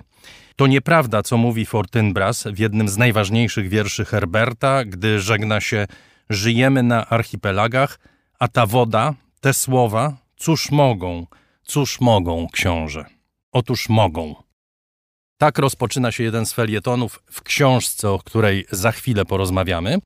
Choć szczerze mówiąc, nie wiem, czy będziemy rozmawiać o samej książce, czy raczej krążyć wokół niej jak muchy nad mięsem w rzeźniach kairskich, zresztą z tego samego felietonu. W towarzystwie autora, Książka nosi tytuł Czekolada i kapuśniak, a Paweł Brawo, który ją napisał, jest z nami. Witam cię. Dzień dobry. Mówienie o felietonach jest trochę jak analiza dowcipów, czyli jest to działalność karkołomna, raczej zbędna, powiedzmy sobie szczerze. Felietony należy czytać i je smakować. W zasadzie w twoich felietonach chodzi o kuchnię. Każdy felieton kończy się przepisem. Ale nie tylko o kuchnię, bo są takie, które w ogóle nic nie mają wspólnego z jedzeniem, a na koniec dokładasz przepis. Kuchnia to jest dla ciebie wymówka do pisania? Nie, to jest raczej taki, wiesz co, chyba pomieszczenie, przez które wchodzę na bardzo różne piętra, w różne miejsca, bo wydaje mi się, że obserwacja tego, jak traktujemy jedzenie, jak jemy, co o jedzeniu mówimy, jak jedzenie, czyli żywność jest traktowana w polityce, gospodarce i tak dalej. Znaczy, że to jakby jest taki punkt odbicia do tego, żeby bardzo dużo rzeczy o dzisiejszym świecie jakby zrozumieć. Niekoniecznie, żeby stworzyć teorię, uniwersalną teorię wszystkiego. Ja tego nie lubię, natomiast przez, przez takie różne przybliżenia czasami widać, widać bardziej, widać w sposób bardziej jaskrawy pewne zjawiska. Ale trochę wychodzi uniwersalna teoria wszystkiego z tej książki. To są felietony, które publikujesz, do tej pory publikujesz co tydzień w Tygodniku Powszechnym. Mhm. Rozumiem, że tutaj mamy wybór kilkudziesięciu tak. tych felietonów, mhm. które powstawały Przez w ciągu 7 lat, tak. ostatnich siedmiu lat. Nawiązujesz do przeróżnych rzeczy, do polityki, do filozofii, do literatury. Opisujesz filmy, opisujesz ludzi, miejsca, język. To jest bardzo ważne język, dla ciebie, tak. prawda? Mhm. Zawsze kończysz na kuchni, ale masz takie poczucie, że chciałbyś odfrunąć od tej kuchni, czy po prostu kuchnia to jest coś, co porządkuje twoje życie i porządkuje twoje spojrzenie na świat? Przez długi czas porządkowała moje życie, wiesz, no to człowiek też jest jakby work in progress, nie, się, się zmienia. Przez długi czas bardzo porządkowała moje życie. Myślałem sobie, że jest takim pierwszym obszarem, w którym człowiek taki jak ja, wielkomiejski, przykuty do różnych y, zawodów i prac raczej dość abstrakcyjnych, nie mających styczności jakby z materią i z ciałem i tak dalej, że może odzyskać po prostu przynajmniej kawałeczek takiego panowania nad swoim życiem codziennym, nad taką bezpośrednią, namacalną rzeczywistością i bardzo, bardzo to lubiłem. Poza tym, że mi to sprawia ogromną frajdę. Przez te kilka lat, jak, jak piszę te felietony, czasami było tak, że miewałem na przykład pomysł na jakiś tekst, widziałem jakiś temat bardzo ważny, myślałem sobie taki temat, w którym będę w stanie błysnąć dowcipem, ale taki temat, który, który kompletnie nie miał nic wspólnego nie tylko z jedzeniem jako takim, ale też w ogóle z taką kulturą konsumpcyjną i z takimi jakby obyczajami domowymi, no bo te moje felietony zawsze jednak przynajmniej zahaczają trochę o takie smaki, takie życia. I myślałem sobie, ech, szkoda, gdybym ja mógł pisać felietony dowolne, totalny freestyle. Jakże byłoby mi łatwiej zamiast szukać tematów. Ale sobie zdaję sprawę, że nie. Znaczy, że też ten rodzaj ograniczenia, który sobie narzuciłem, czy narzuciliśmy razem z redakcją tygodnika, wymyślając kiedyś dawno temu, żebym zaczął to pisać, to to jest dobrze. Znaczy, redakcja myślę, że się, spodziewała te wiele lat temu, że jednak takich tekstów znacznie bardziej konwencjonalnych, takich y, foodowych, takich zupełnie o jedzonku i takich bliższych takiemu pisaniu lifestyle'owemu o jedzonku. Ja, ja, tego nie potrafię, to kompletnie nie jest jakby... Ale myślę, Najlepsze że... rzeczy powstają przy ograniczeniach. Przy Wielkie oczywiście. dzieła tak. literackie powstały tak, znaczy, ja poprzez się... ograniczenia. Wielkie dzieła filmowe powstały poprzez ja ograniczenia. Gdyby tego. Coppola miał nieograniczoną ilość pieniędzy na czas apokalipsy, to pewnie powstałby gorszy film. Gorszy film. Tak, znaczy, wiesz, tam są też takie ograniczenia formalne, oczywiście po pierwsze ograniczenie w postaci długości, ja to, to bardzo lubię, znaczy całkowicie sobie zdaję sprawę z tego, że ten model czytania w papierowych mediach przestaje być dominujący i powoli to gaśnie, ale dalej jakby strasznie lubię ten fakt, że piszę do tygodnika papierowego, że mam x dokładną liczbę znaków. Nie mogę jej przekroczyć, co oznacza, że ten tekst. No może to nie jest tak jak Leonardo Siasia, który pisał powieść przez miesiąc, a skracał przez rok, no ale powiedzmy, że ja, ja powiedzmy, jak piszę felieton, nie wiem, trzy godziny, to potem no co, najmniej, co najmniej, może nie drugie tyle, ale ze dwie godziny go skracam. I to skracanie jest. Czyli zachowujesz się jak normalny pisarz. Tak, niesamowicie ważne. I co więcej. Wyrzucanie tak, jest najważniejsze, tak? tak? Wie, I wiedziałem, szykując tę książkę, czy myśląc sobie już od, nie wiem, od roku czy dwóch, że może to warto wydać w postaci książki, że bardzo się cieszyłem, że będzie więcej takiego luzu, jeśli chodzi o przestrzeń, bo będę mógł rozbudować przepisy. Bo tam często jest tak, że z powodu małej ilości znaków, ja te przepisy są szalenie lakoniczne, a one bardzo często tak, taki dobry przepis wymaga komentarza, zniuansowania, dodania jakichś rzeczy. Więc tutaj jakby się bardzo cieszyłem, że dostanę więcej luzu, ale tak w ogóle to ja bym nie prosił, znaczy to jest tak, że gdyby nagle z tygodnika zadzwonili i powiedzieć, wiesz co, to będziesz robił to samo, tylko w wersji online, więc generalnie to możesz pisać ile chcesz, bo nie ma tego, to, to ja bym się zmartwił. Znaczy, że jakbym stracił ten kaganiec. Dobrze, to powiedz, dlaczego jedzenie jest ważne. To jest tak ważny jakby proces w warstwie zupełnie takiej czysto, wiesz, no, cielesnej, takiej, takiej dosłownej. Jeden z dwóch, oprócz seksu i wszystkiego, co się wiąże z rozmnażaniem, co jakby w ogóle stanowi uzasadnienie i fundament naszego takiego bytowania materialnego. Jest... No ale mówisz o pobieraniu kalorii. Tak, znaczy, okej, okay, znaczy, i że na, na tym procesie pobierania kalorii, substancji oraz zapewnienia, żeby przemiana materii w nas się kręciła, to jest taki obszar życia, który jest z jednej strony w warstwie takiej symbolicznej obyczajów i kultury obudowany nieprawdopodobną ilością jakby reguł, zakazów, mitów, skłonności, opowieści, wyobrażeń, narracji. To jest to miejsce, w którym natura spotyka kulturę, znaczy poprzez między innymi akt zamiany tych kalorii i soli mineralnych na narrację, na, na pewne obrazy, na pewne reguły, no właśnie ma, małpa staje się człowiekiem, między innymi. Czy to jest jeden z takich, moim zdaniem, fundamentalnych jakby momentów, gdzie natura się spotyka z kulturą i gdzie człowiek przekształca i to jest dla mnie fascynujące, w jak, w jak sposób, w jak, od zawsze i w jaki mocny sposób, gdziekolwiek nie spojrzymy na jakiekolwiek znane nam, wiesz, jakby historie kultur, to cały zespół różnych właśnie reguł, opowieści i sensów na, narzucanych często bardzo represyjnie jedzeniu, piciu, różnym substancjom, które się przyjmuje przez usta, y, jest no jakby równie mocny jak wszelkie, wszelkiego rodzaju możliwe tabu seksualne, czy związane z władzą i tak dalej. To jest bardzo ciekawe, co mówisz, bo to znaczy, że to, co czyni z jedzenia kulturę, to jest ograniczanie. Tak, Jed, Jeden z felietonów poświęcasz postowi. Mówisz, to nie jest dieta. To nie jest dieta, broń Dieta Boże, to, to jest moda, prawda? Tak. Dieta to jest... No, dieta czasami jest służy utrzymaniu zdrowia czy coś takiego. Natomiast generalnie na przykład wszystkie religie zakładają posty, prawda? Wszystkie religie zakładają, że nie należy jeść wszystkiego zawsze fundamentalna różnica jest taka, że dietę się podejmuje dla własnego dobra, znaczy nieważne, czy to jest, czy to sensownie, czy nie, ale czasami tak, znaczy przytomny lekarz w pewnej istotnej sytuacji zdrowotnej nam coś mówi, to robimy to dla naszego dobra. Post podejmujemy nie dla naszego dobra, tylko dla wyższego dobra, albo dlatego, że uczestniczymy w jakiejś szerszej całości kulturowej, w której jest powiedziane, że tak trzeba robić i dieta ma być czymś, co w ostateczności nam zrobi dobrze. Post, post ma nie robić nam dobrze. To jest ta fundamentalna różnica i jeśli mówisz o ograniczeniach, tak, znaczy, że jeden z podstawowych momentów, w którym jakby kultura sobie radzi, przyswaja i przetwarza ten fundament fizjologiczny naszego istnienia jako zwierzęta, to jest poprzez stworzenie różnej takiej siatki ograniczeń, też siatki sensów, znaczy nadaje się sens różnym, różnym potrawom, różnym sposobom jedzenia i tak dalej, ale nadawanie sensu zawsze oznacza ograniczenie, czyli na przykład to, że pewnych rzeczy w danym momencie się nie je. Pewne rzeczy się je teraz, a nie później. Pewne rzeczy jesz w poniedziałek, a nie we wtorek. Już się, już się żartuje. Pewne albo w środę, jesz, albo nie w piątek. Albo nie w piątek, prawda? Znaczy choćby z tego powodu. A poza tym y, narzucasz posty, dokonujesz pewnego ćwiczenia, które jest bardzo szybko odczuwane w twoim ciele, no bo zaburzenie dopływu y, pokarmu to jest coś takiego, na co nasze ciało reaguje natychmiast. Znaczy, czy się w dzisiejszej kulturze wręcz reaguje reaguje w taki sposób, że my się nawet wręcz boimy tego, znaczy unikamy, znaczy samo uczucie głodu jest czymś tak strasznym, tak niedopuszczalnym, że przeginamy w drugą stronę i nie umiemy negocjować z tym zwierzęciem w nas, które, które często mówi dawać jeść, jeść, jeść, ponieważ ono ciągle ma ten odruch taki organiczny życia w czasach, kiedy źródeł pożywienia było zawsze za mało, czyli jak tylko było pożywienie, trzeba było się, się nachapać. Znaczy nie, nie umiemy tego negocjować, ale też dlatego, że straciliśmy o czym pisałem chyba w jednym z tych tekstów, taki zmysł, który kiedyś no, wyrażała religia, a teraz jakby jak religii prawie już nie ma w naszym życiu codziennym, to to odmawianie sobie, hamowanie jakby stało się czymś y, bardzo dziwnym, bo to jest tak, że oczywiście mówimy o XX wieku i XXI, kiedy no, nasz świat, ten, w którym żyjemy, czy do którego aspirujemy, ten, który mamy dookoła, to jest taka kultura nadmiaru, czas jakiejś obfitości generalnie już po,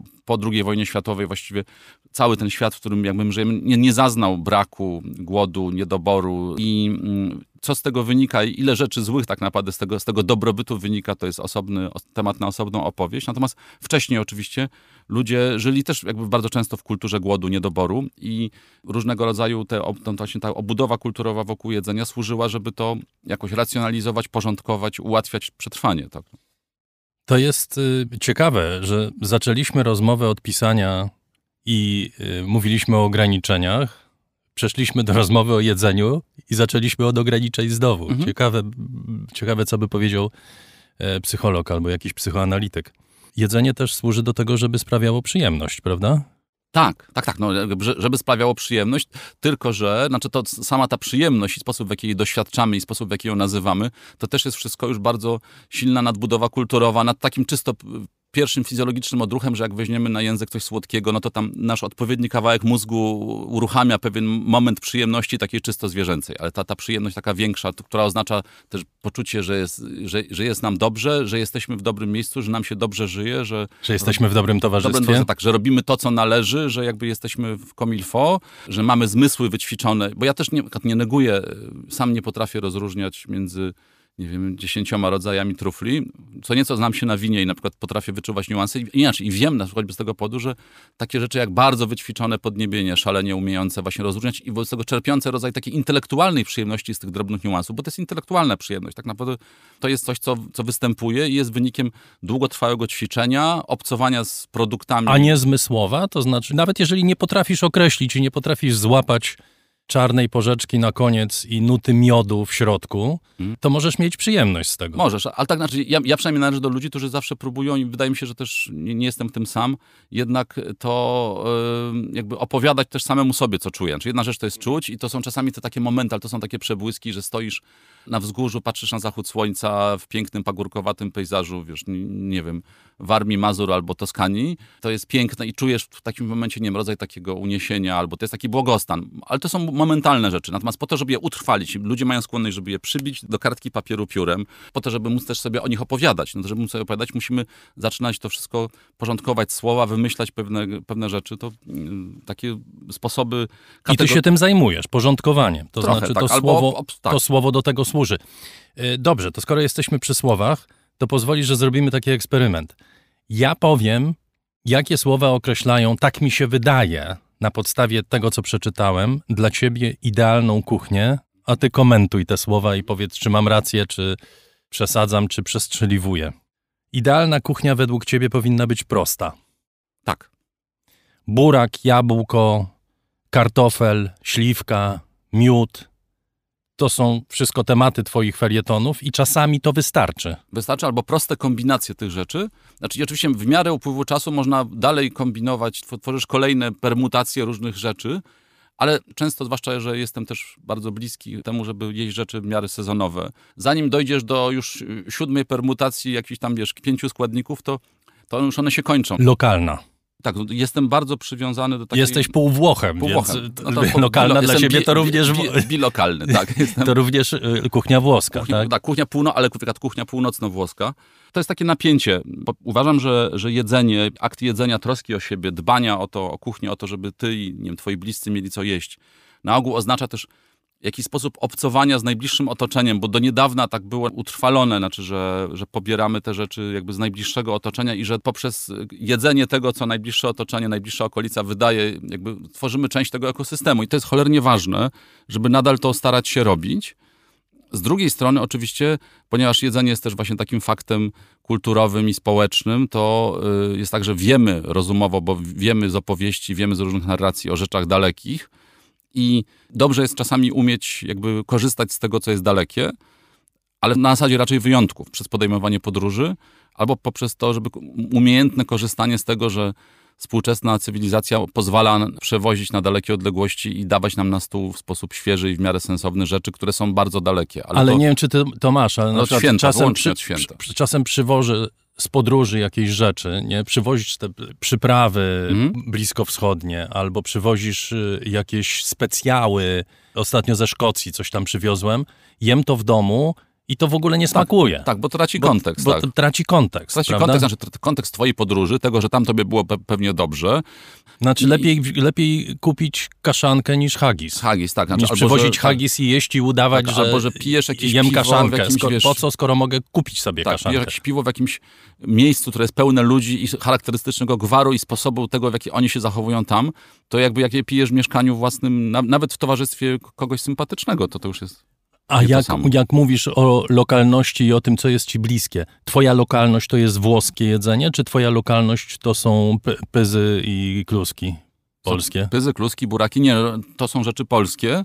I nawet bym powiedział takie, wtedy kiedy mieszkam, bo ja mieszkam trochę w Warszawie, a trochę w Krakowie, ale wychowałem się w Warszawie, bez tego też dla mnie to jest taka lokalność polska wychylona raczej na wschód, znaczy w stronę, wiesz, Podlasia i dalej niż, y, niż na zachód. I dla mnie na przykład takie rzeczy, znaczy kuchnia śląska jest czymś, co mnie ciekawi. Czasami ją do, dotykam jakby palcem z dala, ale to, to nie jest coś, co jakby bym umiał robić. E, a to jest tak, że ja spędzam trochę czasu we Włoszech. Uczyłem się gotowania od swojej włoskiej ciotki. Trochę bardziej niż przeciętny Polak pewnie rozumiem różnego rodzaju taki język włoskiej kuchni i ich składniki, ale też na przykład też, dlatego też potrafię zrozumić, jak bardzo często nie ma sensu próbować tutaj tego naśladować, albo inaczej, że my tu naśladujemy pewne rzeczy, ale że to są tylko pewne kopie. Zwłaszcza jeśli chodzi o warzywa, o jakość warzyw i w ogóle o typ warzyw, o, o, o o to, że jak pójdziesz do dowolnego włoskiego sklepu i chcesz kupisz fękuła, to dostajesz po prostu taką bulwę, przy której, wiesz, znaczy wszystko to, co w Polsce możesz kupić, to jest jakaś imitacja, jakiś taki, wiesz, da, da, daleka rzecz po prostu. To zwłaszcza dotyczy warzyw.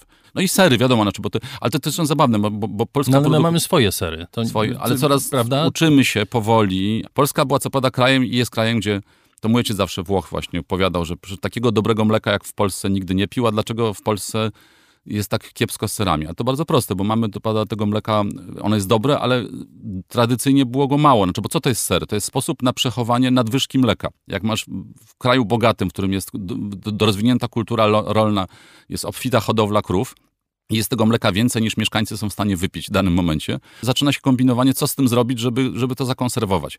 W kraju takim jak Polska, gdzie co prawda krowy dawały, jadły dobrą trawę, ale było ich mało i cokolwiek się wdoiło, zostało, zostawało natychmiast wypite, nie było tego, tego impulsu, żeby szukać mhm. dróg. Znaczy teraz już jest, znaczy i muszę powiedzieć, że polscy serowarzy różni przez ostatnie 20 parę lat dokonali ogromnych postępów. Znaczy to, to naprawdę teraz to jest, ale na początku lat 2000 jeszcze to, to było smutne. Znaczy był twaróg, który kocham.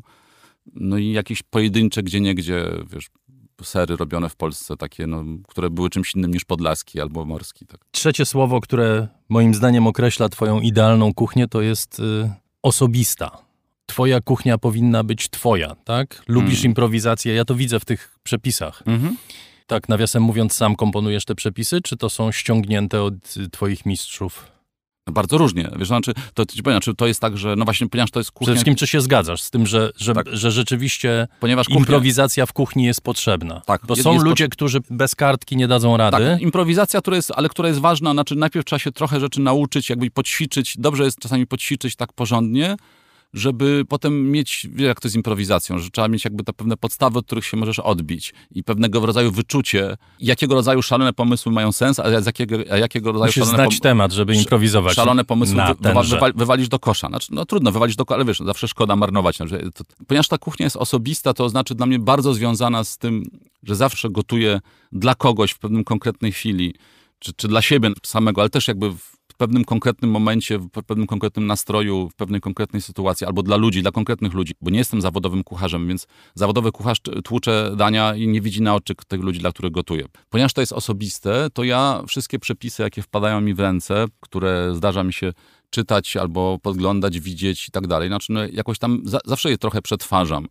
I część tych przepisów w tej książce to są przepisy na przykład przetworzone z takiej książki, która jest dla mnie szalenie ważna, czyli Kuchnia Dantego, którą współtworzyłem w tym sensie, że byłem jakby tłumaczem i współredaktorem. Trochę się pojawia tam przepisów, które pojawiły się w kuchni Dantego, no ale to też nie jest tak, że chłopaki, autorzy kuchni Dantego je wymyślili, to, to, są, to, to, to jest dziedzictwo, że tak powiem, i zasoby. Wiesz, jakbym chciał ustawić copyright na przepis, to jest bardzo trudna rzecz, bo bardzo niewiele w kuchni się zdarza no, takich pomysłów, które naprawdę możesz opatentować i powiedzieć, kurczę, to jest moje i, i, inni nie mają prawa tego kopiować, bo kradną moją własność intelektualną. W kuchni nie ma własności intelektualnej, natomiast oczywiście ja nigdy nie kopiuję, staram się, wiesz, przetwarzam, sprawdzam, przepuszczam przez jakieś swoje doświadczenie i zresztą tego właśnie w sumie żałuję, że tego miejsca w tygodniku może jest troszeczkę za mało, bo w tej części, gdzie piszę o przepisie, czasami fajnie jest opowiadać nie tylko o tym, że bierzesz 100 gramów czegoś, mieszasz przez 5 minut, a potem coś tam, tylko też, że wiesz, opowiadasz o tym, jakiego typu efekt chcesz uzyskać, a to jest bardzo różne, wiesz, no, jakby w zależności od tego, czy grzejesz na indukcji, czy na elektrycznym, czy na gazie, czy masz garnek gruby, czy cienki,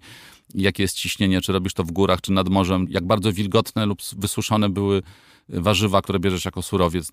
Te moje przepisy rzeczywiście raczej zostawiają dużo miejsca na wyczucie i, i odrobinę, wiesz, inwencji. Na tym w ogóle polega wartość dodana tej książki w porównaniu z felietonami w tygodniku, między innymi na tym, tak, bo, bo są rozbudowane przepisy. Tak. Bo są rozbudowane przepisy, a poza tym w takiej pigule te 80 felietonów, ile to jest? 80 felietonów, Tutaj tak? tak. Mhm. Dają no to wszystko, o czym mówimy.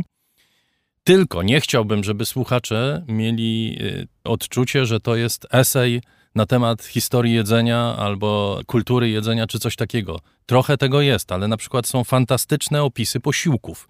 Pozwolisz, że zacytuję, jak odwiedzasz jedną z knajpeczek małych. Nie pamiętam, gdzie ona jest, ale zaraz powiesz. Koniecznie należy zjeść małe, wąskie cukinie wydrążone w środku i nafaszerowane przedziwnym mięsnym nadzieniem, uduszone potem w pomidorach. Albo roladę z piersi kurczaka nadzianą masą z chleba i grzybów, sowicie podlaną w piecu balsamicznym octem. No i na pewno sztokwisza uduszonego z pomidorkami i serem pecorino. To jest wreszcie okazja, by przekonać się, jak pyszne może być złamanie świętego zakazu łączenia ryby z serem. To jest przykład twojego stylu, akurat kiedy piszesz o samym jedzeniu. Cieszysz się na modę na pisanie o jedzeniu? Czy się cieszę?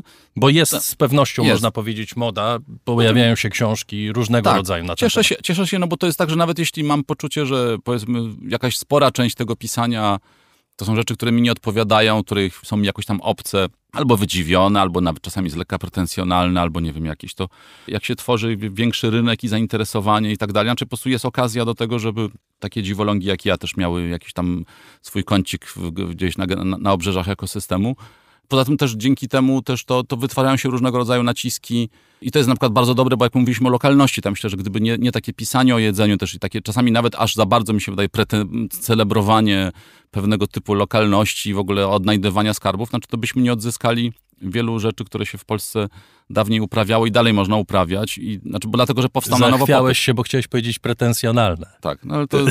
Znaczy, Ale tak no, bywa, to znaczy nie, nie jest, chcę, nie jest, cienka, jest cienka granica, prawda? Nie chcę oceniać, bo też to jest kwestia różnych wrażliwości po prostu. Jak mówię, i cie- i cieszę się, bo to wszystko to tworzy rodzaj takiego szumu, wzmożenia jednak większej uwagi ludzi, co, co się przekłada na przykład na, na, na pewnego rodzaju naciski konsumenckie. Ja w tych tekstach, to nie są eseje może filozoficzne, natomiast ja, ja mam taki skręt wyraźny, lubię pisać o takiej ekonomii politycznej jedzenia, lubię pisać o tym, że też jedzenie i polityka żywnościowa to jest jeden z najbardziej ważnych, politycznie zapalnych tematów. Znaczy teraz oczywiście mamy, teraz to jest gaz i prąd, ale dopóki nie było gazu i prądu, to często kwestie dotyczące ogromnych jakby, wiesz, pieniędzy i jakby decyzji biznesowych jakby i politycznych wokół jedzenia, to, to, że, to są rzeczy, które mnie fascynują, bo tam po prostu się odbywają, pamiętam, śledziłem kiedyś, nie wiem, jaka kwestia losy polskiego podatku cukrowego tak zwanego, który tam coś, znaczy to, no to to jest fascynujące, to, to, to tego rodzaju naciski i lobbyingi to chyba nawet koncerny tytoniowe kiedyś nie umiały robić. A propos, jak się ta knajpa nazywa i gdzie ona jest?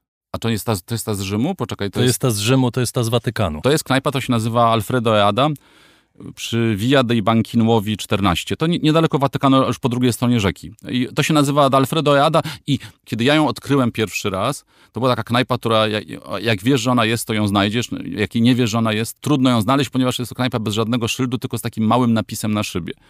Po czym po paru latach zobaczyłem coraz większą liczbę turystów, bo tam w sumie było mało turystów. Dlaczego, że teraz jak jest mm, Google Maps, TripAdvisor i tak dalej, to po prostu Mhm. jest tak, że ludzie trafiają czasami do tych właśnie takich zapomnianych, dziwnych knajpek, które tylko miejscowi znają i mogą ci szepnąć, że tam z bramy na lewo i tak dalej. No to była taka knajpa, ale ona już jest, więc nawet nie muszę powiedzieć dokładnie, gdzie ona jest, bo jak się do Google'a wrzu- wrzuci Alfredo Eada w Rzymie, to wyskoczy. A cieszysz się na modę na świadome jedzenie, na świadome jedzenie i, że tak powiem, uprawianie jedzenia. To znaczy te miliony zdjęć, prawda? Każdy zanim coś zje, to sfotografuje, wyśle. Opowiadamy sobie nawzajem o tym, co jemy. E, Wyszukujemy knajpy, jeździmy śladem konkretnych miejsc, w których ktoś wcześniej był, prawda? Tak, znaczy więc trochę wiesz, to jest tak, że przesada w tym wszystkim mnie, mnie często mierzi albo w każdym razie czy jakoś śmieszy, ale w granicach rozsądku, znaczy wiesz, no to jest tak, że jak jedziesz gdzieś na wakacje po raz pierwszy w, jaką, w, w jakiejś strony, no to zwłaszcza ja mam taki odruch jeszcze z czasów sprzed właśnie Google Mapsa i TripAdvisora, że no, że się pytałem ludzi, którzy już tam byli, o po, prostą radę po prostu, gdzie, gdzie zjeść i tak dalej. I ludzie mi opowiadali, słuchaj, tutaj jest taka knajpa, zjesz i tak dalej. To to jest jakby okej. No ale tego typu rzeczy od zawsze istniały. Zawsze, to tak. znaczy przyjeżdżasz do wsi czy do miasteczka Tak. małego i się pytasz, gdzie możemy gdzie, zjeść. Gdzie tutaj. możemy zjeść. Natomiast jakby to, że to jedzenie, zaczynamy je takie opowiadać, znaczy na Instagramie jedzenie jest chyba po, po kotach pewnie na, na, naj- najbardziej częstym tematem i że to też jest tak, że knajpy, nie tylko, nie tylko knajpy powstają, czy tworzą swoje dania, żeby były instagramowalne. Są knajpy, o tym też kiedyś pisałem, to niesamowite, to w Ameryce, gdzie nawet toalety się projektuje tak, żeby ładnie wypadały na Instagramie, bo była jakaś taka nurtę, że, że, że ludzie robili sobie selfiki w, lustrze e, knajpianej toalety, żeby się pochwalić, że gdzieś są. Więc nawet wołano projektantów, żeby... Więc to jest oczywiście chore, ale znaczy, bo to jest e, takie życie zmediatyzowane całkowicie, znaczy, że ty nie, przeżywasz niczego, dopóki to coś nie zostanie uwi- uwiecznione na ekranie. No ja mogę powiedzieć tylko jako taki, wiesz, no boomer, dziaders czy ktoś, nie wiem, że wiem, że tak jest i że jest to mi totalnie obce i myślę, że że jednak jakby na, Czyli na ty nie fotografujesz swojego bardzo jedzenia. rzadko. Y, Fotografuję odrobinę. Zacząłem dość intensywnie fotografować, ale bardziej składniki niż jedzenie, nie dania gotowe. Wrzucać na Instagrama, żeby trochę zaistnieć na nim w momencie, kiedy pomyślałem, znaczy, że trzeba też trochę pomóc promocyjnie tej książce. Znaczy jakby to jest tak, że, że, że, że sposób czysto... Czysto instrumentalnie Czysto to traktujesz. instrumenta- czy traktuję to czysto instrumentalnie. No czasami, wiesz, no, raz na pół roku zdarza się, że trafić się tak niesamowity widok czegoś, jakiś warzyw w jakiejś kompozycji, w jakimś świetle, że robisz zdjęcie i chcesz się pochwalić, wiesz, znajomym, bo, bo jest cudowne, ale to raz na, No ale tak, tak, tak raz samo na jak parę miesięcy. czasem zdarza zauważyć piękne zjawisko przyrody, Zjawisko, tak? No to przede wszystkim ja je wtedy za, zachowuję pod powiekami. Jeśli robię zdjęcie, to żeby się podzielić z paroma osobami, nie wiem, wysłać to paru osobom bliskim, którym wiem, że, że one też się ucieszą, bo to jest trochę tak jak z jedzeniem. Ja strasznie lubię dzielić się jedzeniem, znaczy, bo, że- jak coś mnie cieszy, bo coś jest dobre, to żeby inni też to mieli, ale ci inni, których znam, do których mam jakąś relację, to znaczy nie muszą być wcale moje najuko- najukochańsze osoby, to mogą być znajomi, ale osoby, z którymi coś, cokolwiek mnie łączy. No wiesz, w internecie ni- nic mnie nie łączy z tysiącami ludzi. Jakby... To a propos, to dobrze się składa, bo też chciałem nawiązać do twojej obsesji liczb. Niektóre z tych felietonów, Tak. właściwie czasami masz takie okresy, że, że, że wszystkie po kolei je zaczynasz tak. liczbami, Mhm. prawda? Jedna godzina, jedna minuta, 11 sekund. Tyle trwa seria wykładów profesora Bogusława Wolniewicza na temat zagrożeń cywilizacji. 2 kilo 10 deko. Tyle waży cegła wierszy wszystkich Czesława Miłosza. Od 200 do 800 pestek kryje w swojej słodkiej czeluści przeciętny arbus. Albo 150. Wiesz, co to jest 150? Pamiętasz? Nie, już nie pamiętam. Liczba Dabbara. A liczba Tambara. Czyli, czyli a propos tego, Właśnie, co liczba mówiłeś, ludzi, których możemy realnie jesteś, znać, którymi jesteś możemy w stanie w ogóle z, się odno- odnieść, jakby odnieść się do tak. nich. Dobrze. Kilka nazwisk pada w tej książce. Wzory E, tak. szefów, kucharzy, ludzi, którzy gotują Bourdain, Otolęgi. Bourdain jest, pojawia się jako bohater mojego jednego z felietonów i jakby e, z rodzajem fascynacji, ale to jest e, tak, że parę rzeczy się dowiedziałem z jego filmów, jakby fajnie, że się dowiedziałem, ale w ogóle nie czułem chemii. To jest tak, że jeśli chodzi o jedzenie, to był taki moment, że, że gotowanie Otolęgiego i sposób, w jaki on je pisał, i sposób, w jaki zresztą też fotografował, bo to już teraz nie, nie zauważam, ale zdjęcie, e, ta książka Plęty Otolęgiego, Obfitość, była jedną z takich pierwszych książek, które wprowadzały estetykę zdjęć robionych takich z góry na takiej surowej desce, taka sz- wyszorowana, taka, taka surowa decha. Wiesz co, z pisaniem to mam tak, że teraz jak o tym myślę, dużo mi się nauczyłem od Marka Bieńczyka, e, od jego pisania o winie. Zrozumiałem, że, że można, naprawdę można łączyć rzeczy bardzo zmysłowe, bardzo związane z bardzo konkretnymi przeżyciami które są w jego wypadku związane z tym, że pije jakieś wino i jakby je czyta, rozumie, coś w nim odczytuje że to odnosisz do, do swojego życia oraz do tego wszystkiego, co jest dookoła i że nie musisz się wstydzić tego, że nie wiem, że o rzeczach bardzo poważnych rozprawiasz wychodząc od tego, co masz na talerzu. No bo czasami te moje teksty dotyczą rzeczy bardzo poważnych, dotyczą rzeczy, nie wiem, ważnych aktualności politycznych, czy jakichś rzeczy, które jakby... Ale właśnie wychodząc z własnej kuchni można to robić jeśli chodzi o język, który jest dla mnie strasznie ważny, znaczy dla mnie to jest tak, że no, skoro piszę, to jakby język, znaczy jakby, jak ktoś przyjdzie do mnie do kuchni, to zjemy obiad i, i wtedy to będziemy jedli, będzie najważniejsze, ale jak ktoś mnie czyta, no to najważniejsze są moje słowa. No to ja myślę, że tutaj jest tak, że sposób takiego pisania bliskiego życiu, obserwowania czy pilnowania się, że zawsze patrzysz na codzienność, patrzysz na ludzi dookoła, patrzysz na to, co mają w siatach, patrzysz do tego, jak rozmawiają, patrzysz, co, co ugotowali, patrzysz, co wrzucają do koszyka i w ogóle się rozglądasz po świecie, to jest Andrzej Bobkowski, jego obserwacje, jego szkice piórkiem i obserwacje takie, które zawsze są przefiltrowane przez jego ogromną wrażliwość taką poetycką, ale, ale bardzo blisko takiej, znaczy nigdy nie, nie, nie odstępujesz tej codzienności na, na krok. Hrabal? Hrabala no tak, cytujesz. Cytuję, tak, no uwielbiam jego, tak, znaczy to Hrabala w sposób niedościgły zupełnie, takiego rozkosznego pisania o, wiesz, no, Przeczytać ten opis, o który zabieszczasz? To przeczytaj. Dobrze, to jest po przeczytam. Podkuchenne szykowały grube flaki na kaszanki i gotowano krupy i potem zalewano je krwią wieprzową. Cały personel kuchni pachniał, jakby wszyscy jeden za drugim wpadli do kotła z zupą. I oto do kuchni wkroczył ogromny bukiet róż, a ja zlękłam się, bo ten bukiet szedł w moją stronę i nagle róże osunęły się niemal na podłogę i stał tam nie kto inny, tylko doktor. Mhm. To jest dla mnie znaczy jeden z ulubionych takich właśnie autorów i też taką uwagą do szczegółu i do takiej codzienności, do tego, że czasami najprościej, wiesz, po prostu znaczy zjeść serdela i wypić piwo i jakby to jest tak, że, że one też mają i że one mają swoją godność, mają cholernie ważną godność. Oczywiście, że nie ma co pisać, wiesz, traktatów filozoficznych o dobrym serdelku, tylko trzeba je po prostu dobrze zrobić, ale ponieważ to częściej jemy, znaczy, że... Wiesz co, nie, może nie ma, ale jadasz kanapkę z serem i pomidorem? Oczywiście, że tak. Znaczy jadam, znaczy jakby codziennie, wiesz, to co rano zrobię czasami, znaczy jest też jakby... No, ale to jest też nasze życie. Nasze życie. No właśnie chciałem powiedzieć, że ten serdel czy ta kanapka to jest znacznie bardziej nasze życie niż wyszukane potrawy, o których rzeczywiście można pisać całe rozdziały, bo się składają, znaczy, bo mają swoją historię, tradycję, odniesienia, a poza tym każdy ich niuans, każdy z 50 różnych ich składników to jest osobna opowieść. To wszystko jest fajne, ale my się, nasze życie się składa, to też to jedzenie z takiego codzienności. Czego się nauczyłem też, bo przez kilka lat musiałem, wiesz, no, zajmować się dość intensywnie gotowaniem, zwłaszcza dla dzieci, czyli takim codziennym, wiesz, po prostu wyciąganiem ich z łóżek i dawaniem im śniadania, po czym myślenie o tym, co zjedzą na obiad i tak, tak dalej. Tak jak my wszyscy, wszyscy. Tak, przynajmniej jest, ci, którzy mamy dzieci. I to jest prawda? podstawa, tak. I no to wiele zależy od tego, jak to robimy. Mhm, tak, tak, znaczy, i że to naprawdę ma znaczenie i że tej trosce jest jakby coś strasznie ważnego, co wzruszającego, znaczy coś, co mam wrażenie, że jest takie miękkie, ciepłe, szalenie istotne, czego też nie, nie chcę tracić z oczu.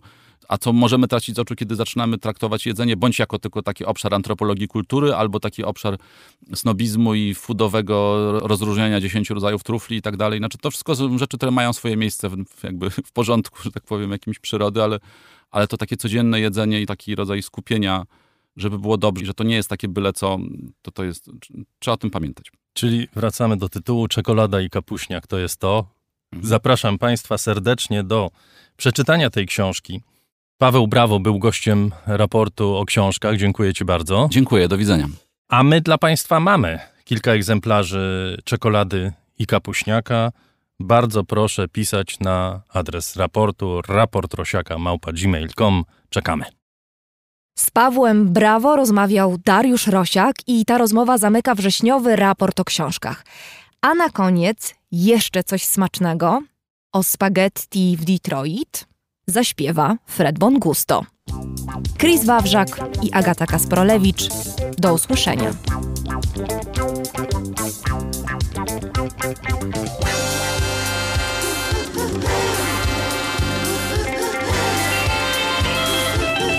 Spaghetti, pollo, insalatina, una tazzina di caffè. A malapena riesco a mandare giù. Invece ti ricordi che appetito insieme a te a Detroit.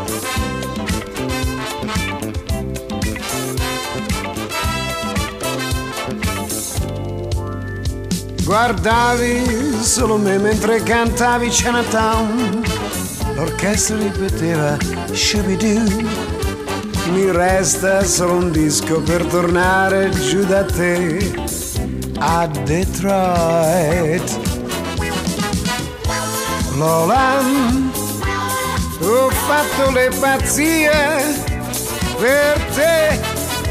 Ricordi che notti di follia in Detroit. Spaghetti insalatina una tazzina di caffè a malapena riesco a mandare giù.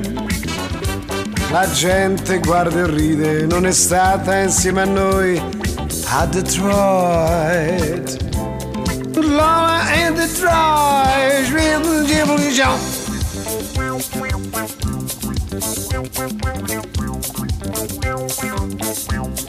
Spaghetti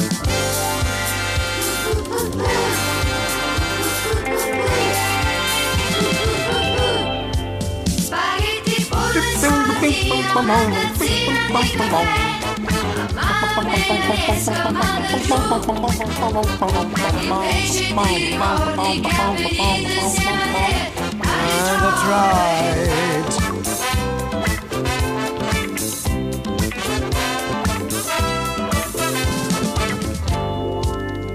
Spaghetti insalatina, una tazzina di caffè, a malapena riesco a mandare giù. La gente guarda e ride, ah, non piange insieme a me, Detroit. Roland, pazzie che non farò mai più, ricordi che notti di follia in Detroit. Spaghetti insalatina, una tazzina di caffè, a malapena riesco a mandare giù.